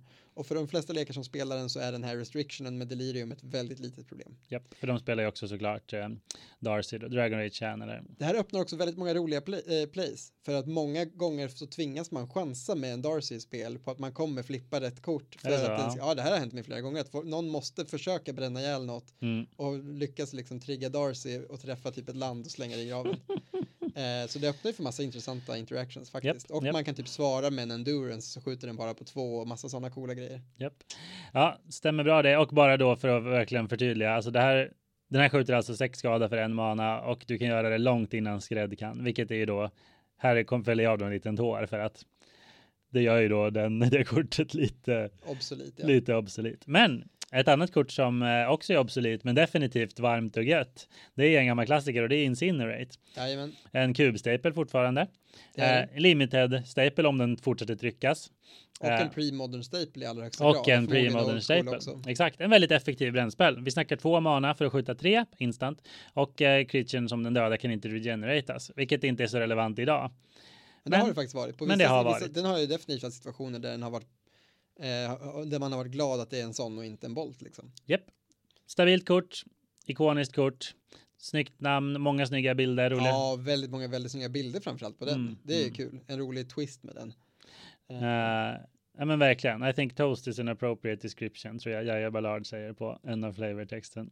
Ja, så vi, ja, det... vi, vi, uh, vi, vi, håller med och vi väntar på att det ska komma en brädspel som faktiskt heter bara toast. förmodligen. Och förmodligen med flavortext av Jaja Velarde igen då. Ja, för vi, har, vi, har, vi har ju brännspelen roast, men vi har inte toast. Modern Horizons 3 kanske levererar. Bra. Ja, vill du ta, here first. Ja, vill du ta sjuan? Det gör jag så gärna. Uh, ja, Phyrexia-mana är ju en grej som, som dessutom har kommit tillbaka lite igen. På ett kort. På ett enda kort, men tillbaka. Det trodde man inte skulle hända på ett tag, nej, för det var så jävla nej. brutet. Ja. Och ett av de här så jävla brutna korten är uh, Gutshot eh, brännspelen som kan spelas i alla lekar. Yep. Så, vilket är också nu inte helt relevant när du har eh, en Ragavan som springer omkring i metat. Så lekar som tidigare inte hade tillgång till att skjuta en, ett kan göra det för att du har Gutshot som för en röd Phyrexia mana, alltså du kan betala två liv istället för en röd, eh, skjuter bara ett i någonting, en instant. Men det är ett väldigt unikt kort på många sätt. Det är jättebra ja. med eh, eh, kort som har eh, prowess för att det är en mm. gratis spel. Yeah. Det är jättebra i lekar som inte annars har tillgång till den effekten. Så ett väldigt bra kort. Eh, jag spelar bland annat min monogröna agrolek i brädan Mm. för att ta in mot just Ragavan och liknande pesky bastards. Bra mot effekt, bra mot manadorks. Bra mot alver. Ja. ja, nej men bara faktiskt ett stabilt, eh, Ja, jävligt stabilt kort som sett spel i modden ända sedan det kom. Typ, och det typ. kommer fortsätta se spel skulle jag Ja. tro väldigt långt framöver för att det är så unikt. jag har kört den i Murfolk också. Eh, Mm. Pretty nice. Ja, på plats sex har vi Grape Shot och det här är lite en eh, den här används sällan på det sätt som andra brännspels på den här listan gör. Alltså inte för att bara toppdäcka och skjuta tre i facet eller för att döda en creature, utan det här är ju en combo finisher. Uh, Grape Shot är alltså en sorcery för två mana, eh, en röd och en generic som eh, skjuter ett på en creature eller player och den har ju då den här eh, inte helt irrelevanta förmågan Storm. Eh, Även kallat, eh, den är som är så bruten att den gav upphov, upphov till namnet på den så kallade Stormskalan. Alltså hur unlikely är det att Wizards kommer använda den här mekaniken igen. I och då från ett, från ett, ett standardsätt från 1 till 10. Och då är ju Storm en 10, för det kommer aldrig hända i ett standardsätt. Har de lovat, men det kommer de säkert misslyckas Ja. med för spelet Ja. kommer finnas så länge. Men Poängen är, poängen är att eh, Grape Shot är bra, Storm är brutet och den används ju i modern än idag. Ja, länge var ju Grape Shop och Enter the Warrens de två liksom finisherna som fanns för, eh, för modern storm, eller det är väl så fortfarande, men, men just för att man har liksom tagit bort så mycket, eller andra typer av stormeffekter eh, som har funnits historiskt finns liksom inte i, i modden. Nej. Eh, så då blir det ju Grape Shot, skjuta ett i facet som är eh, din wincon. Japp. Vilket är roligt för vi måste komma upp i en ganska hög storm count, men det går. Verkligen. Eller spela flera stycken, vilket är lätt när de kostar två. två. Eller ett med eh, Baral och liknande. Det är ju en jobbig Magic-upplevelse alla måste ha någon gång, att bli stormad till döds av en, eh, av en blåröd stormlek i, i modden. Japp. ett tag i Eskilstuna så spelade tre eller fyra personer Storm samtidigt i ett meta som bestod av typ 15 till 16 personer. Ja, Spicy times. japp, Du visste liksom att du mötte Storm varje turnering. japp. Ja, det, ja, jag är glad att det inte är så. Vad har vi på femte plats då? Ja, här har vi ju ett kort som också har eh, skördat sin beskärda delspelare. Den har funnits med ända sedan den allra första dagen och är väl kanske typ det mest, en av de mest ikoniska fantasy-magierna som finns. Mm. Vi pratar förstås om Fireball. Eh, det är liksom moden av alla X-spells och Ja. eh, har gett upphov till eh, Channel Fireball, namnet på den här kanalen och kombot. Mm, mm. Eh, men ja, det är helt enkelt eh, skjut X i any target och för varje ett du betalar så kan du dela upp det här en gång också. Det. liksom, det är vä- väldigt störig ability, jag orkar inte förklara exakt. hur Så länge det är evenly rounded down. Eh, exakt. Så ja, du kan, eh, du kan helt enkelt dela upp din fireball så den skjuts åt olika håll om du har mycket mana. Men Mm. Ja, det ja. som gör den här, det är bara en så jäkla stabil finisher. Ja. Eh, I limited är det fortfarande sjukt bra med en X-spel i leken för att man bara lite randomly får en väldigt bra finisher. Japp. När de, när printade den här i M10 så var det en big deal minns jag. Det var M10 va? Ja. För att det var så länge sedan. Eh, men ja, ikoniskt kort, helt klart. Den är inte med på listan för att det kanske är ett av de bästa brännspel sen Nej, längre, men den alls, har ju inte alls. varit historiskt sett väldigt bra. Definitivt. Eh, så är det. Och på fjärde plats har vi Ja, en liten... nu är det igång igen med en liten, här, eh, eh, en liten, liten fuskplats. Eh, Vi har Chain Lightning, men vi passade också på, eller jag i alla fall, att eh, då nämna, ja men egentligen hela uppsjön av kort som är sämre än den mest kända brännspellen som vi kommer till, men som man spelar ändå för att man vill ha skjuta tre för ett. Eller, eller två för ett eller någonting bara strikt sämre än den lite bättre versionen. Exakt, eh, och vi snackar alltså om Chain Lightning, Riftbolt, Skewer the Critics, Lava Spike eh, och så vidare. Eller varför inte bara chock eh, och, och så. En massa brännspel som kostar ett och skjuter två eller tre eh, och som, som spelas ofta för att man behöver många brännspels i brännlekar. Ja. Och det är egentligen bara det. Ni känner igen dem, ni har mött dem, ni kommer fortsätta få smarra dem. Eh, så Fan, jag inser nu, vi borde kanske haft med chock på listan ändå, för att chock har gett upphov till så många andra kort också som är typ en chock fast lite bättre. Ja, det är sant. Det motsatta liksom, än vad, vi pratar om nu, för att det bara finns så jäkla många varianter på chock nu. Ja, och chock är så clean också för att den har ett så bra enkelt namn liksom. och den är så lätt att förstå. Riktigt nice. Riktigt, riktigt nice. Ja, men skit i det, Japp. säger jag. Japp. Och eh, hoppar vidare in i listans enda eh, multicolor-kort då. Ja, kan någon gissa vad det är? Ge dem tre sekunder. Oh my god, it's lightning helix! Exakt. Förlåt. Så, vad har vi här då? Jo, vi har eh, inte bara en lightning bolt utan också en healing salve i samma kort. Typ. Så för bara två mana så får du en lek som ger dig en, eller en kort som ger dig en stor edge i agro matchupsen. Eh, den är fantastiskt bra i kontroll, den är fantastiskt bra i burn. Den spelas jättemycket i historic, den spelas jättemycket i eh, modden, spelas mm. förmodligen i legacy fortfarande, skulle förvåna mig om jag inte ser något spel där. Väldigt, väldigt stabilt kort. Du får så mycket för de här två manorna. Japp, så det är exakt instant, röd och vit, 7-3 och gaina 3. Life gain är dåligt, men inte när det är incidental. Precis. Det är väl det som är grejen. Liksom. Japp, ja, men det är ett, verkligen ett toppenkort all around. Uh, som du säger, spelats och överallt. Gå in på YouTube, sök på Lightning Helix så kommer ni få se lite stycke av Magic historia för de av er som inte har gjort det. För jag lovar att det finns folk som inte har sett det. Ja. Det, var fan, det är old news. Ja, faktiskt. Men ja, det är, det är, den är med i kanske en av de kändaste ja, men, sekunderna kanske i Magic ja, turneringshistoria. Topp fem kändaste Magic momentsen, om inte topp tre. Ja, lätt. Yes. Jajamän, mm. och så har vi. Här har vi faktiskt ett en spel som är med kanske för att den är både ikonisk men också av ren jäkla power level. Ja, det här är ändå kanske det näst bästa. Eller det bästa. Svårt att säga. Kanske. Ja. Så det brukar vara bra när saker kan vara gratis. Och yeah. det här är verkligen inte gratis. Samtidigt som det inte kostar relevant resource liksom, i den här strategin. Precis, kryptiskt, men det är så det är och det är ju Fireblast. Det här är ja. alltså en instant för sex mana, eller hur? Ja. Fyra och två röda, skjut fyra. Låter det låter bra, skjut fyra för sex. Låter inte jättebra, låter kast. Ja, till och med Fireball är ju bättre här. Japp.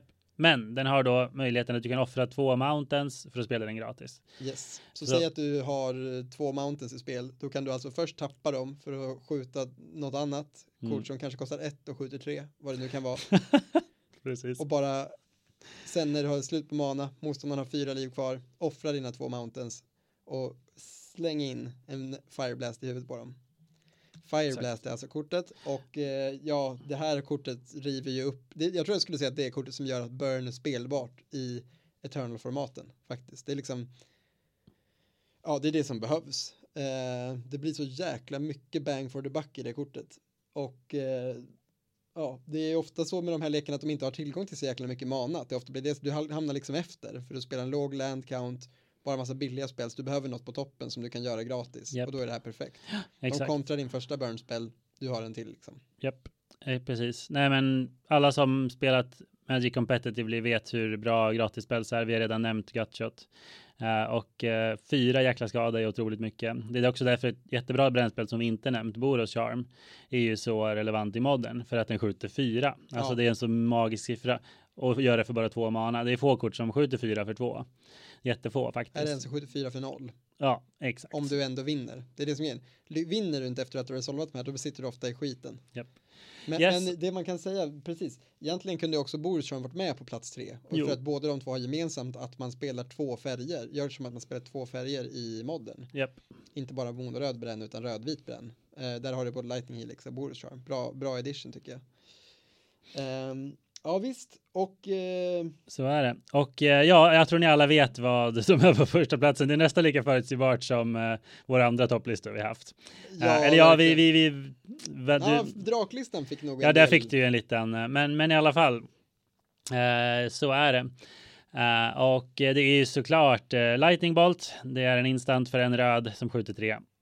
Det var det den här, det roliga med det här kortet, att det är liksom ett kort som man bara jämför andra kort med väldigt ofta. Ja. Det är så, det är aldrig, inte bannat. För att det bara är fine. Alltså det, det de kan inte printa det längre för det är lite för bra för standard. De yeah. vill liksom göra det med en twist på något sätt nu när man ska göra det här. Yeah. lite som counterspel på något sätt ärligt talat. Att yeah. här, det, här är bara lite för bra för standard har de insett. Men det är verkligen precis lite för bra. Och Nej men precis, det är en av de kändaste spelsen någonsin uh, utan tvekan. Otroligt det är, jävla clean design. Ja, liksom. den, den fångar in allting det rött gör eh, och gör det bättre än något annat av det, kort av det slaget. Spelas i alla format där den kan spelas, uh, mer eller mindre. Det betyder inte alltid att den är tillräckligt bra kanske i vintage och så vidare. Men, men om du spelar något sånt så spelar du den här. Den kommer aldrig bli överträffad tror vi. Eh, det skulle förvåna mig om spelet utvecklades åt det hållet. Att det kom liksom en mer cleant effektiv brännspel. Ännu bättre. Liksom, ja, ja, nej, det är osannolikt. Den är en del av den legendariska cykeln från uh, Alpha av en i varje färg instans för ett. Som gör någonting med tre. Som gör någonting med tre. Solklart den näst bästa. Mm, Dark Ritual är ju bannad av ibland av olika anledningar. Men ja, ja okej, okay. det är sant. ja, Tillsammans med Dark Ritual delad andra plats i den cykeln. Yep. Och en gång, för det som nu man kan säga länge sedan, så var vi övertygade om att Lightning Bolt var så bra att den aldrig skulle reprintas i standard. Men sen gjorde den det i M10. Som det står på flavortexten. Eh, och har du tänkt på det? Alltså att det, de refererar till, eh, till just, alltså de, det är en meta flavortext. Ingen aning. The spark mage shrieked, calling on the rage of the storms of his youth. To his surprise, the sky responded with a fierce energy he had never thought that he would see again. Mm. Och det var flavortexten i M10 när de faktiskt reprintade Lightning Bolt. Cute. Japp. En eh, energy vi aldrig trodde vi skulle se igen. Och så var det faktiskt. Det var en chock när Lightning Bolt reprintades. Uh, för att den helt enkelt är så bra. Men nu ja, är det, det så. Det, var, det var inte en chock. Utan nej. det var en lightning bolt. Nej, exakt. exakt. Ja, nej men uh, ja, den här topp yes. 10-listan har sponsrats av uh, Jaja Ballard. Och mm. vi ser mycket fram emot att få upprepa hela det här varje avsnitt. Så, det vi har tänkt med det här lite konstiga, det är ju att det bara liksom avbryter huvudsegmentet. Och sen fortsätter det en liten stund nu och sen går vi vidare till the grand finale, det som alla har väntat på. Ni vet alla vad vi pratar om och vi ska inte nämna det än. Precis, så är det. Uh, vi får se hur ni får gärna kommentera om ni tycker att det är för, uh, för liksom hattigt, spattigt, uh, du vet, whatever. Jag tror att det här, jag, jag, tror, jag tror ni klarar av att hantera det här. Jag tror att ni, ni, ni tror, är med oss. Du, du, du, tror, du tror på, på våra lyssnare, det är fint. Uh, så är det, men vi hoppar in i rött igen. Vi fortsätter prata om färgen rött och vi pratar just om korten tycker jag. Och uh, vi har redan nämnt bränn och vi behöver egentligen inte stanna där för länge. Men en av de saker rött är bäst på är ju burn spells, alltså den här grejen med att du har en instant sorcery som gör direktskada på creatures eller spelare. Ingen annan färg kan göra det i samma utsträckning. Och det, det, nu kan man till och med passa på att nämna att det inte bara är instant sorceries, du har instant sorceries, ja. artifacts, creatures som på något sätt delar direktskada till yep. eh, motståndare. De andra, finns andra färger som kan göra det här, men aldrig bara så clean som rött. Nej, svart kan ibland drain life, alltså de kan dra skjuta och sen få så mycket liv också. Och då kostar det ofta ganska mycket mana. Ofta kostar det mer, ja, definitivt. Eh, grönt kan använda creatures för att skjuta. Blått ska inte kunna alls. De kunde förr, alltså med Psionic Blast. Men ska egentligen aldrig kunna skjuta direkt skada och gör inte det längre. Nej. Nej, och vitt gör det på attacking och blocking creatures. Exakt. Så, eh, det, du har ju helt rätt. Brännspels har vi dock pratat väldigt ja, mycket om. så det ska vi inte göra mer. Utan vi tänker också, hur drar rött kort? Ja, eh, lite olika sätt, eh, men på senare tid så har ju det här börjat cementeras, det har börjat förtydligas. Eh, Wizards har medvetet jobbat med att få ge alla färger en chans till card advantage. För ofta är det bara blått som haft den här oerhört viktiga möjligheten. Jajamän. Eh, men rött kan numera delvis det som kallas rummagea, vilket är att diska kort och dra kort. Ja. Uh, till skillnad då från blått som kan dra kort och diska kort. Mm. Petitess kanske man kan tycka, men det är lite skillnad. Det är lite bättre att dra och diska. Det är ju nästan alltid det, ja. Uh, och men det får man säga. Men rött kan också, vad kallas det, impulsdra, va? Ja, men precis. Man exilar kort och så får man spela om antingen den här turen eller nästa tur. Yep. Det är lite, lite rötts uh, sätt att göra det på då. Mm, på senare tid, ja, har det varit så. Uh, och det är smart, det är snyggt, det är rätt i, i color pie och ibland är det ju lika bra som att dra kort. Ibland. Nej, men precis. Rött är ju i särklass bäst på att slå sönder saker, i det här fallet artefakter då, yep. och traditionellt sett även länder. Ja. Eh, inte enchantments, för det förstår de inte vad det är för någonting, för de är lite för dumma. Ja, det går inte att använda våld för att slå sönder det, eftersom att det är magi. Liksom. Tydligen inte. Nej. Inte röd, rött våld i alla fall. Nej, precis. Så är det. Rött kan inte paja enchantments överhuvudtaget. Det finns alltid något undantag, chaos, warp, whatever. Ja. Men det är liksom en twist på det. Såklart. Uh, men så är det. Rött är, uh, kan inte paja enchantments, men är bäst på paja artefakter. Och som Edvard sa, de enda som, uh, förutom typ Armageddon och Sinkholes, gamla undantag, de enda som förstör länder i någon utsträckning. Och Gör det fortfarande. Ja, grönt är också rätt bra på pajaländer historiskt ja, sett. Historiskt sett, ja. Men och nu för tiden skulle jag säga nästan lika bra. Jo, jo, det stämmer. Men eh, lika dåliga. Ja, snarare lika dåliga för att nu för tiden så vill de inte ha landpaj eh, i standard. Kan ingen, ingen kan förstå varför det som är så kul. Men eh, traditionellt sett så är det här rött grej. Rött Stone Rain, det mest ikoniska. Tre mana, sorcery, paj ett land. Andra bättre kort finns. Också masslandpaj finns. Eh, på senare tid så har vi dock sett, eh, vad heter det, den sorceryn som gör att dra ett kort och de hämtar ett nytt land.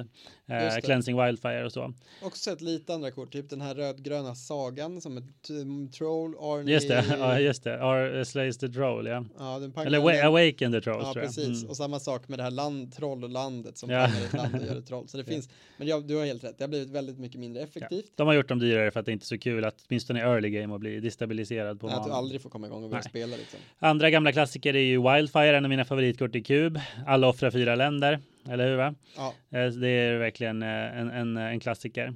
Eh, rött är ju, har ju tidigare också kunnat förstöra allt. Om du tänkt på det. Alltså Apocalypse, Obliterate och Decree of Annihilation och liknande. Ja, ja. det är, det är inte en... heller riktigt deras grej längre.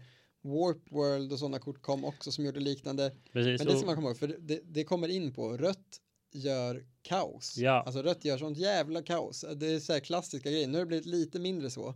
Men röda dyra enchantment som och bara fuckar med board staten. Ja. Det har ju varit en grej länge. Japp, yep. sorceries och enchantment som fuckar hela board statet. Har ja. du några favoriter vi måste nämna? Ja, typ alla targets väljs ett random alla permanents delas upp och delas ut at random. Ja, det är den värsta. ja, det finns många härliga. Vi behöver inte gå in på att du får inte, vad är det, du kan bara blocka ett random, ja. tror jag. Ja. Eh, gubbar måste slåss. Confusion in the ranks, kommer du ihåg vi spelade den ganska ofta förut. När en permanent kommer in så byts den med en annan permanent av samma type som någon annan har. Ja, just det, riktigt jävla junkie. Underbart kort. Ja, nej men så är det. Rött, det. rött är fan jävligt bra på att rampa också, men inte på samma sätt som grönt, för rött gör det genom att spela spel som rampar där och då. Liksom. Ritualer. Ja, lite desperatare rampande. Yep. Eh, vilket ju har gjort kaos i många format kan man ju säga. Så det har ju verkligen varit en, är ofta för bra grej. Och vi har många bannade ritualer, framförallt då Right of Flame och mm, Seething Song. Seething Song. Eh, jag tänker ofta på Seething Song, men Right of Flame är fan minst lika busted. Jäklar ja, vad bra den är. Herregud. Yep. Det är bara en röd, gör två mana, plus ett mana för varje Right of Flame. Ja, yep. sorcery. Mm. Ja, nej men det är intressant. Nej, så det är också något rött kan göra. Uh, rött är också bäst på combat, uh, vilket ja. är bäst och bäst. Men tillsammans med vitt så har de bra combat tricks. Uh, mm. Men rött har något som ingen annan färg har och det är dubbla skadan. Har double strike ofta, det har vitt också ibland. och sen har de dubbla combat steps som vi pratade om också för något avsnitt sen. De är bäst på haste också. Ja, definitivt bäst på haste och rätt bra på first strike. Så rött är bra, snabba, arga i combat. De kan göra extremt mycket skada på kort tid och ofta från ingenstans. och det är ju också lite unikt för den färgen. Ja, verkligen. Nej, men jag tror det tror jag faktiskt, rött är ju slaggiga som fan. Tillsamm men alla färger kan ju vara det för Magic är världens största spel på många sätt, eller ett av ja. de största spel och det går inte att säga, men, men generellt liksom, framförallt i limited, motståndaren börjar med ett mountain, det säger väldigt mycket om vart matchen är på väg. Nästan alltid ja. Ja, det behöver inte bli så, men statistiskt ja. vet du att det blir bonk i facet liksom. Håll ja. hårt dina removal spells och så vidare. Indeed. Yes, och hur brukar det se ut då? Ska vi snacka lite om röda klassiska lekar och arketyper kanske? Jo, men det ska vi absolut göra och jag tror, ja, det, det är ju, båda vi har ju spelat våran beskärda del rött. Jag spelar ju rött just nu i premodden. Eh, rött är ju den typiska leken som spelar liksom, ja men din strategi går ut på att försöka hantera, motståndaren ska liksom dö innan de gör sin grej. Ja. Eh, du, du, du, väljer den mest basic approachen i spelet. Vad det första en ny spelare får lära sig? att när du går ner på noll liv så förlorar du liksom. Och rött bara, ja, då ska vi göra det. Sounds like a challenge. speedrun, let's speedrun this bitch. exakt, exakt. Keep, men keep it simple, varför ska man krångla till det för? Men, så, den klassiska liksom monoröda spelaren är ofta klar med sina rundor. Antingen har de förlorat eller vunnit fort och kan hinna liksom dricka läsk och hänga i kassan. Yep. Uh, så, så det är ju tänker jag. Vi har pratat mycket om den strategin redan idag, så jag tänker vi kan diverta lite från den och prata om lite andra, helt andra Röda. Eh, röd, väldigt typiskt röda strategier. Japp, eh, och den andra varianten som det finns många versioner av är ju raka motsatsen, alltså någon slags kontrolllek. Och det här ligger ju mig nära hjärtat. Eh, och det är alltså någon form av monoröd kontroll. Som jag redan nämnt så var skrädd ett exempel på det. Skrädd var aldrig en topplek i modden. Det brukar kallas för prison ärligt talat. Ja, men skrädd var lite unik faktiskt. Jag, alltså prison och, för, det här är ändå min lek, så jag, jag kan de här, den här skiten. Alltså då, i grund och botten så är det ju kontrolllekar, men man kan antingen i vissa format så vet jag inte om jag skulle kalla det prison för att det finns liksom inga riktiga prison element. Alltså Pioneer så är ju monoröd kontroll en grej och skräd var en grej innan det blev prison. Alltså det var röda kontrolllekar. Rött kan ju inte kontra, eh, så därför blir kontroll lite svårare. Men vad rött kan göra bra är att döda creatures. Och det finns lekar, har funnits historiskt i massa olika format, lekar som försöker ta tillvara på det. Eh, och eh, som du säger, det kanske mest effektiva sättet har ofta varit prison, alltså att man använder artefakter och rött egna hatkort, som det mest kända såklart, Blood Moon. Ja, eh, som, vi, som såklart eh, vi har nämnt i något annat avsnitt, men det gör ju att det bara att non-basic lands är vanliga mountains. Eh, än idag i modden ett, liksom, ett kort som många fruktar. Eh, och eh, tillsammans med då kort som Chalice of the Void, Ensnaring Bridge, Trinisphere och i äldre format kanske man kan kasta in andra wildcards, Sphere of Resistance och sådana saker eh, för att göra kort eh, dyrare eh, eller omöjliga att spela ut överhuvudtaget. Ja. Alltså låsa ner brädet så gott man kan och sen vinna med Planeswalkers eller någon stor drake eller något. Uh, och uh, det är någonting som, som jag sa som har gjorts då och då i uh, spelets historia. Jag spelade Moonröd Prison i modden och innan dess spelade jag Skred, vilket då som jag sa inte riktigt är en Prison-lek. Spela Blood Moon i main, men mer creatures. Det är också en lek som kan vinna snabbt. Ofta rampar den. Det mer om att hantera motståndarens early threats och sen ha ett bra yep, typ, mid och late game. Exakt, rampa in mycket midrange var det. Du rampar in i typ Koth eller något annat väldigt bra rött fyrdropp. Du har haft en ganska dålig matchup mot kombolekar. Ja, definitivt. men det var väldigt Väldigt eh, cute, väldigt kul tyckte jag. Eh, Monröd kontroll är en av mina favoritlekar av all time. Jag är väldigt ledsen att den inte är riktigt viable idag i modern för det finns så mycket incidental artefaktpaj och enchantment paj som ja. man kan spela gratis med typ Force of Vigor. En Blood Moon är inte lika jobbigt som det har varit. Nej, och det, det vara, nej, men... nej, men det gör mig verkligen, det skulle jag kunna prata länge om, men, jag, men det, det, har ju gjort praktiskt taget att en eller flera arketyper långsamt har dött eller försvunnit bort liksom. Ja. Och ja, det är helt medvetet från Watsis håll, de tycker inte det är kul. Uh, alltså att helt och det är väl ett cleanare sätt att döda någon på än att banna liksom. Ja, verkligen. Så så är det. Men monoröd kontroll, monoröd prison, liknande skräd. Det här är lekar som jag verkligen älskar och som, eh, som absolut tittar fram fortfarande då och då. Pioneer var så kallad chonky red stor ett tag, alltså mm. man spelar stora röda saker. I Legacy var Monoröd Prison riktigt bra ett tag, uh, för att där har man ju också tillgång till bättre ritualer, eh, lite bättre hate pieces eh, och framför allt länder som tappar för två. Alltså det som kallas Stompy i Legacy. Inte att blanda ihop med monogrön Stompy förvirrande nog. Nej. Men till exempel det ett tag hette den Dragon Stompy. alltså man spelar Ancient Tomb och City of Traitors och ritualer för att bara turba ut hatpiece och sen turba ut typ Chandra eller en drake. Ja, eller en drake eller Hassuret eller något. Ja, nej, det är väldigt stabilt. Jag tror eh, en annan, alltså ja, de röda lekarna som står med på listan här, så jag tycker vi bara ska nämna dem kort för att inte dröja för länge på det här, så kan man också nämna lite fler när man ändå håller på. Ja. Dels du, du kan få prata om Dragonstorm, dock pratade vi lite om den leken i förra ja, avsnittet. Jag ska inte nämna för mycket, men det är en lek som är väldigt känd och väldigt, ja men Alltså folk, den har, det, det, är en del av Magics historia. Det är en väldigt klassisk lek. En anledning till att flera av de här rampspelsen är bannade väl? Ja, men typ. Ett tag var Dragonstorm en sorcery för nio men som garanterat vinner spelet åt dig om du har planerat din lek rätt. Eh, en grej och det Ja, det är ett kort som, eh, som var det väldigt flashy. det är väldigt klassiskt och en lek som många gillar. Och sen så på samma sätt så har det gjorts roliga lekar som faktiskt använder de här kaoskorten. Alltså jag tänker på Warp World, men på senare tid Indom Indomitable Creativity eh, som är eh, så som använder röts. För en, en av röts kaosgrejer är ju det här med att man tar bort någonting, alltså lite av en polymorf. Man tar bort någonting och flippar toppen tills man hittar något liknande. Och det har ju lett till uh, abuse, alltså man kan abusa det här. Det är egentligen tänkt att vara en randomness-effekt. Ja. Du tar bort en creature och du hoppas att motståndaren inte får en bättre, att de får en sämre. Ja, eller tar bort en av dina creatures och hoppas att du får något bättre. Exakt, exakt. Man kan också lösa det så att du inte behöver hoppas på att få något bättre. Exakt, och det görs ju bland annat då med Indomitable, Indomitable Creativity, svårt ord, i Historic eh, framför allt, men också i Pioneer. Eh, men sen även eh, med, vad heter han, eh, Luka, också som nämnde vi inte, en röd Planeswalker till. Spelas i modden faktiskt, ett kombo i modden. Ja. Eh, jo men absolut, och det där är ju eh, det du gör, du spelar inga creatures i hela din lek förutom de creaturena du vill hitta med det här kortet. Sen skapar du en creature med hjälp av någon token generator, till exempel ett land som gör tokens i form av Dwarven Mine. Ja. eller i form av eh, en, en, en spell som gör det, en annan spell. Ja, liksom. Så du får eh, hämta typ Emrakul och eh, eller något annat. Ja. Yes. Exakt. Eh, annars så används ju rött såklart i kombination med andra färger, alltså i ofta. till exempel eh, en av de bästa lekarna i modden nu, eller hur? Oh, ja. Alltså, Nej, men jag tänker på alltså, blå Ragavan syns ju för fan i varenda jävla lek, så där är ju rött med. Ja, men exakt. Eh, och jag, så ja, den blå-röda leken är ju sjukt bra i modden. Eh, men alltså Ragavan petas ju in i många lekar som ja, jo, röda kort. don't even get us started again. Eh, så, så rött är ju verkligen en färg som har, har sin plats i, i metat. Och samma sak det finns tvåfärgade röda lekar som är väldigt, väldigt starka historiskt sett. Typ Storm som vi nämnde, blå-röd Storm. Ja, visst. Eh, ja, men du har Eh, Eh, rött, rött har ju liksom fått genom Simian Spirit Guide vara en viktig del av massa degenerate combos i modden. Nu är den tyvärr bannad, rest in peace.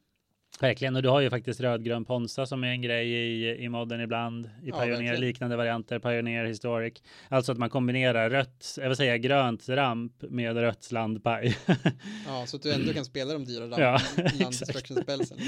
Vilket jag tycker ändå, jag gillar, jag har alltid gillat den leken liksom. Det är, det är cool. Ja, så, så det, det, har du ju absolut, det är en klassiker.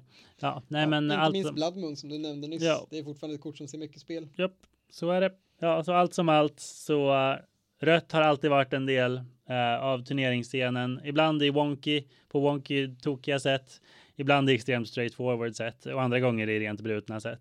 Så, uh, ja. En rolig sak är ju att Lightning Bolt är så pass bra att om du typ incident eller spelar rött för att få in Raggavan så är det inte helt ovanligt att det halkar med en Bolt också, ärligt talat. Nej, så är det. Och i typ eh, Grixis Shadow spelar man ju boltar som heter de röda korten, ofta inte alltid. Yep. Men ja, det, det finns ju Rött är ju väldigt bra på sin grej liksom. Ja, exakt. De arga små gubbarna och de eh, brännigaste spelsen. Japp. Eh, och då som vi nämnt eh, möjligheten att tänka om helt och gå kontroll, vilket är väl en av anledningarna varför det nog är min favoritfärg. Och sen för mig är det nog också mycket det estetiska, alltså att jag bara gillar eh, looken, alltså creature typesen och sådär. Ja, ja det är väldigt fint. Jag, jag är eh, rött ligger mig varmt om hjärtat, helt klart. Varmt, japp. Så är det. Vad säger ja. du? Ska vi försöka vi måste ju pausa någonstans. Jag bara, huvudet snurrar av allt vi inte har sagt. Men eh, ja, så är det att ha begränsad Nej, det. Vi, vi kan inte göra liksom tre timmars avsnitt eh, som det känns just nu. Så vi, vi får väl nöja oss där. Eller kan vi? Och, eh, och vi framförallt nöjer oss för att jag eh, vibrerar av längtan inför att få gå vidare i poddens kanske viktigaste livsförändrande ja, jag skulle ändå vilja påstå på något sätt gudomliga eh, segment. Japp, japp. Vi pratar förstås om show and tell. Så jag kan dra igång på show and tell och eh, jag tänkte börja med eh, jätteflummig grej. Vi fick eh, en leverans för typ en månad sedan till butiken. Eh, nu är det alltså i mitten på februari och eh, dagarna efter att pre-releasen av Kamigawa hölls. Så när spoilerna, spoilersna precis hade börjat och vi hade typ sett de första kanske tio korten och i lite olika artworks och sånt och de här basländerna eh, i Kamigawa. Då helt plötsligt ser, eh, får butiken ett mystiskt paket. Så, vad är det här? Det är lite för stort och platt för att det ska kunna vara någonting som vi fattar vad det är. Det inte, kan inte vara affischer och så vidare. Så vi öppnar det här paketet och i det så ligger oversized eh, legendariska drakar och en av de här var faktiskt spoilad. Den röda var spoilad då. Men den vita, svarta, blåa och gröna var inte spoilade än. Och det var till min stora förvåning så fick vi alltså det här utan någon föranmälan. För ibland får man veta att ni kommer få det här promot och då är det alltid spoilat sedan yeah. länge liksom. Ja, ja. Eh, för att butiker alltid lägger sådär. Men av, på något sjukt sätt så fick alltså Spelfaktoriet i Eskilstuna, så vitt jag vet, bara vi, för jag har inte hört om någon annan butik som har fått det här. Läckan kom ju inte heller, så det kan inte varit många som fick det. Hm. Det måste varit väldigt få som fick det om folk fick det, för det var ingen som läckte det här. Så i typ två veckor så var vi några av de få utanför Wizards of the Coast som visste om att det fanns fem legendariska drakar. Vi visade förstås upp det här för någon kund liksom för att bara shit kolla vad sjukt det här är. Sen gömde vi dem ju liksom. Ja. Jaha, stört. Ja, du skrev det till mig minns jag. Ja. Du ville inte, vill inte skicka bild till mig. Nej, men vad fan, det var ju alltså, ett, man kan ju säkert bli av med sin VPN-status om man håller på med sånt. Ja. Två, eh, coolt att bara de enda som vet om någonting. För en gång skulle den här världen där alla vet allt. Verkligen. Eh, min känsla då var ju att de här drakarna för övrigt inte var super overpowered på något sätt utan väldigt eh, reasonable och så verkar ju metat också tycka om man tittar på typ vad de är värda i pengar och sådär. Mm, yeah. Men ändå. snygga, mm, flashiga kort liksom. Ja, och med relevanta abilities sådär. Och, ja, de är ju inte dåliga någonstans. sitt spel i standard i ja, någon ja, och andra ställen. Jag funderar på att köra dem i kub också. Ja, just de är rätt roliga liksom och ett bra Commander topp. förstås. Ja. Eh, nej men, men eh, det bara jävligt lustig grej. Men det känns som att Wizards väldigt sällan gör sådana tabbar. Men om någon undrar liksom, vart fan kommer alla läckor ifrån? Ja, svaret är förmodligen delvis i alla fall butiker som råkar få shipments från distributörer som inte vet vad de håller på med. Japp. Ja, där har vi det. Ja, men verkligen intressant upplevelse för er. Ja, jättekonstigt och det kommer förmodligen aldrig hända igen, men eh, roligt att det hände. Japp, yes. snyggt. Uh, jag, eh, på min show and tell så tänkte jag nämna något jag inte hann nämna om Kamigawa i början. En extrem nitpick. Uh, men uh, alltså jag, som jag redan sagt om ni lyssnat för noga hela avsnittet så det, tycker jag att Neon Dynasty verkar vara av det jag hunnit köra ett grymt sätt på alla sätt. Alltså grymt, jag kan inte bra, ett grymt sätt på alla sätt. Ett jättebra sätt liksom, jättebra expansion. Det verkar toppen. Jag är väldigt taggad på att gå hem och drafta mer. Men en liten nitpick är att jag, jag nämnde ju att enchantment creatures eh, är det traditionella i Kamigawa. Det är de som liksom verkligen embracear eh, historien liksom och använder den magin från då för att liksom förändra sig och så vidare. Men eh, någonting som jag lite grinds my gears är när illustrationen inte riktigt visar det. Alltså om vi tittar på enchantment creatures innan Kamigawa så var det ju bara eh, Theros. Det är bara Theros som haft enchantment creatures. Eh, och någon liksom, de testade Future Sight eh, för att liksom bara visa att det här kommer komma sen. Lucent, Liminid, så här, och den såg verkligen spexig ut. Alltså den var, illustrationen visade hur det verkligen var ren, men den här varelsen var ren magi, den var så flummig liksom. Och det ser man i Kamigawa så, eh, vad säger jag, i Theros, alla enchantment creatures har stjärnor i sig. De, de liksom är lite, de skimrar lite för att de har eh, Nyx, magin från Nyx liksom i sig.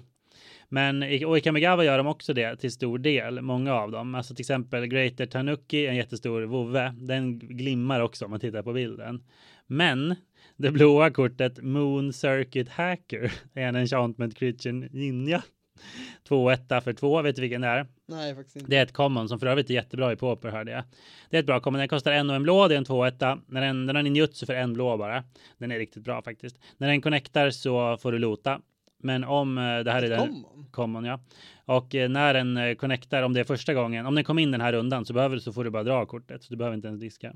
Oj, låter väldigt bra. Japp, den är väldigt bra. Men om man tittar. Det är, det är lite bättre piker som man brukar säga.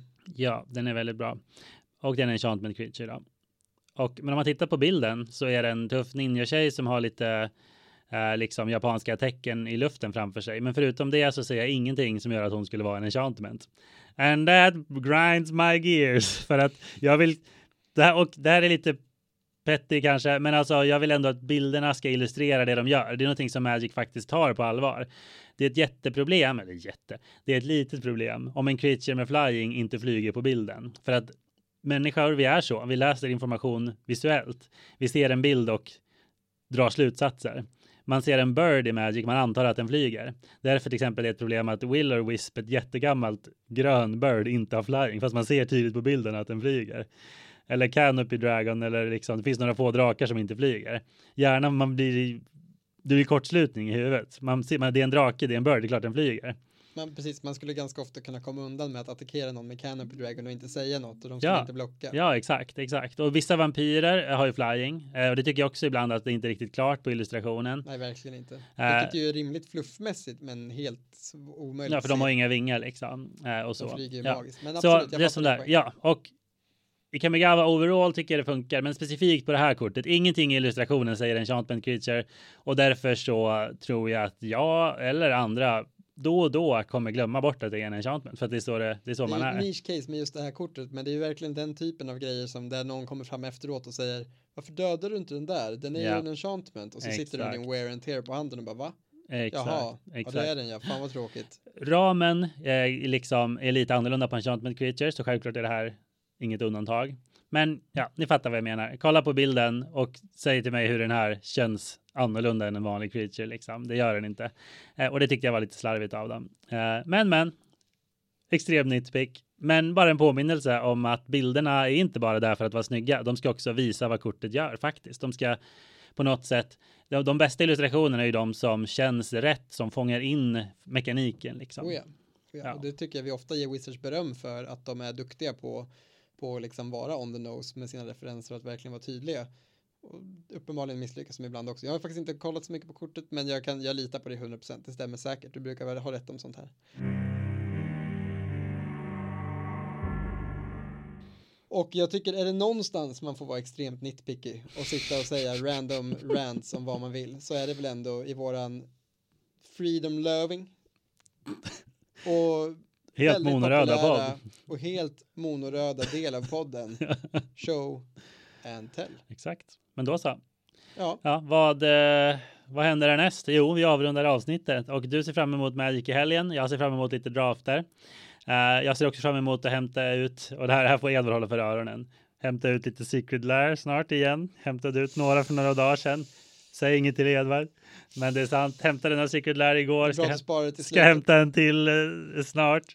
Ja, så riktigt wonky ut. Riktigt ja. nice. Riktigt nice. Ja, ja, ja, det är du som, det är du som äh, gräver våran grav, Harry. Ditt fel att allting går åt helvete.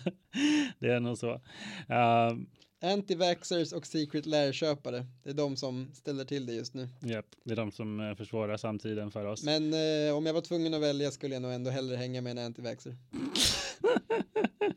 ja, ja, ni hör ju va. Eh, vi avslutar podden på den sköna tonen. på den sköna tonen och eh, så hörs vi nästa gång. Ja, eh, absolut. Välkomna till avsnitt 22 när det väl kommer då. Japp, japp, japp. Och eh, spana in min insamling om det inte redan är för sent, vilket det lär vara om du hör det här sen. Ja, ja, tack, hej.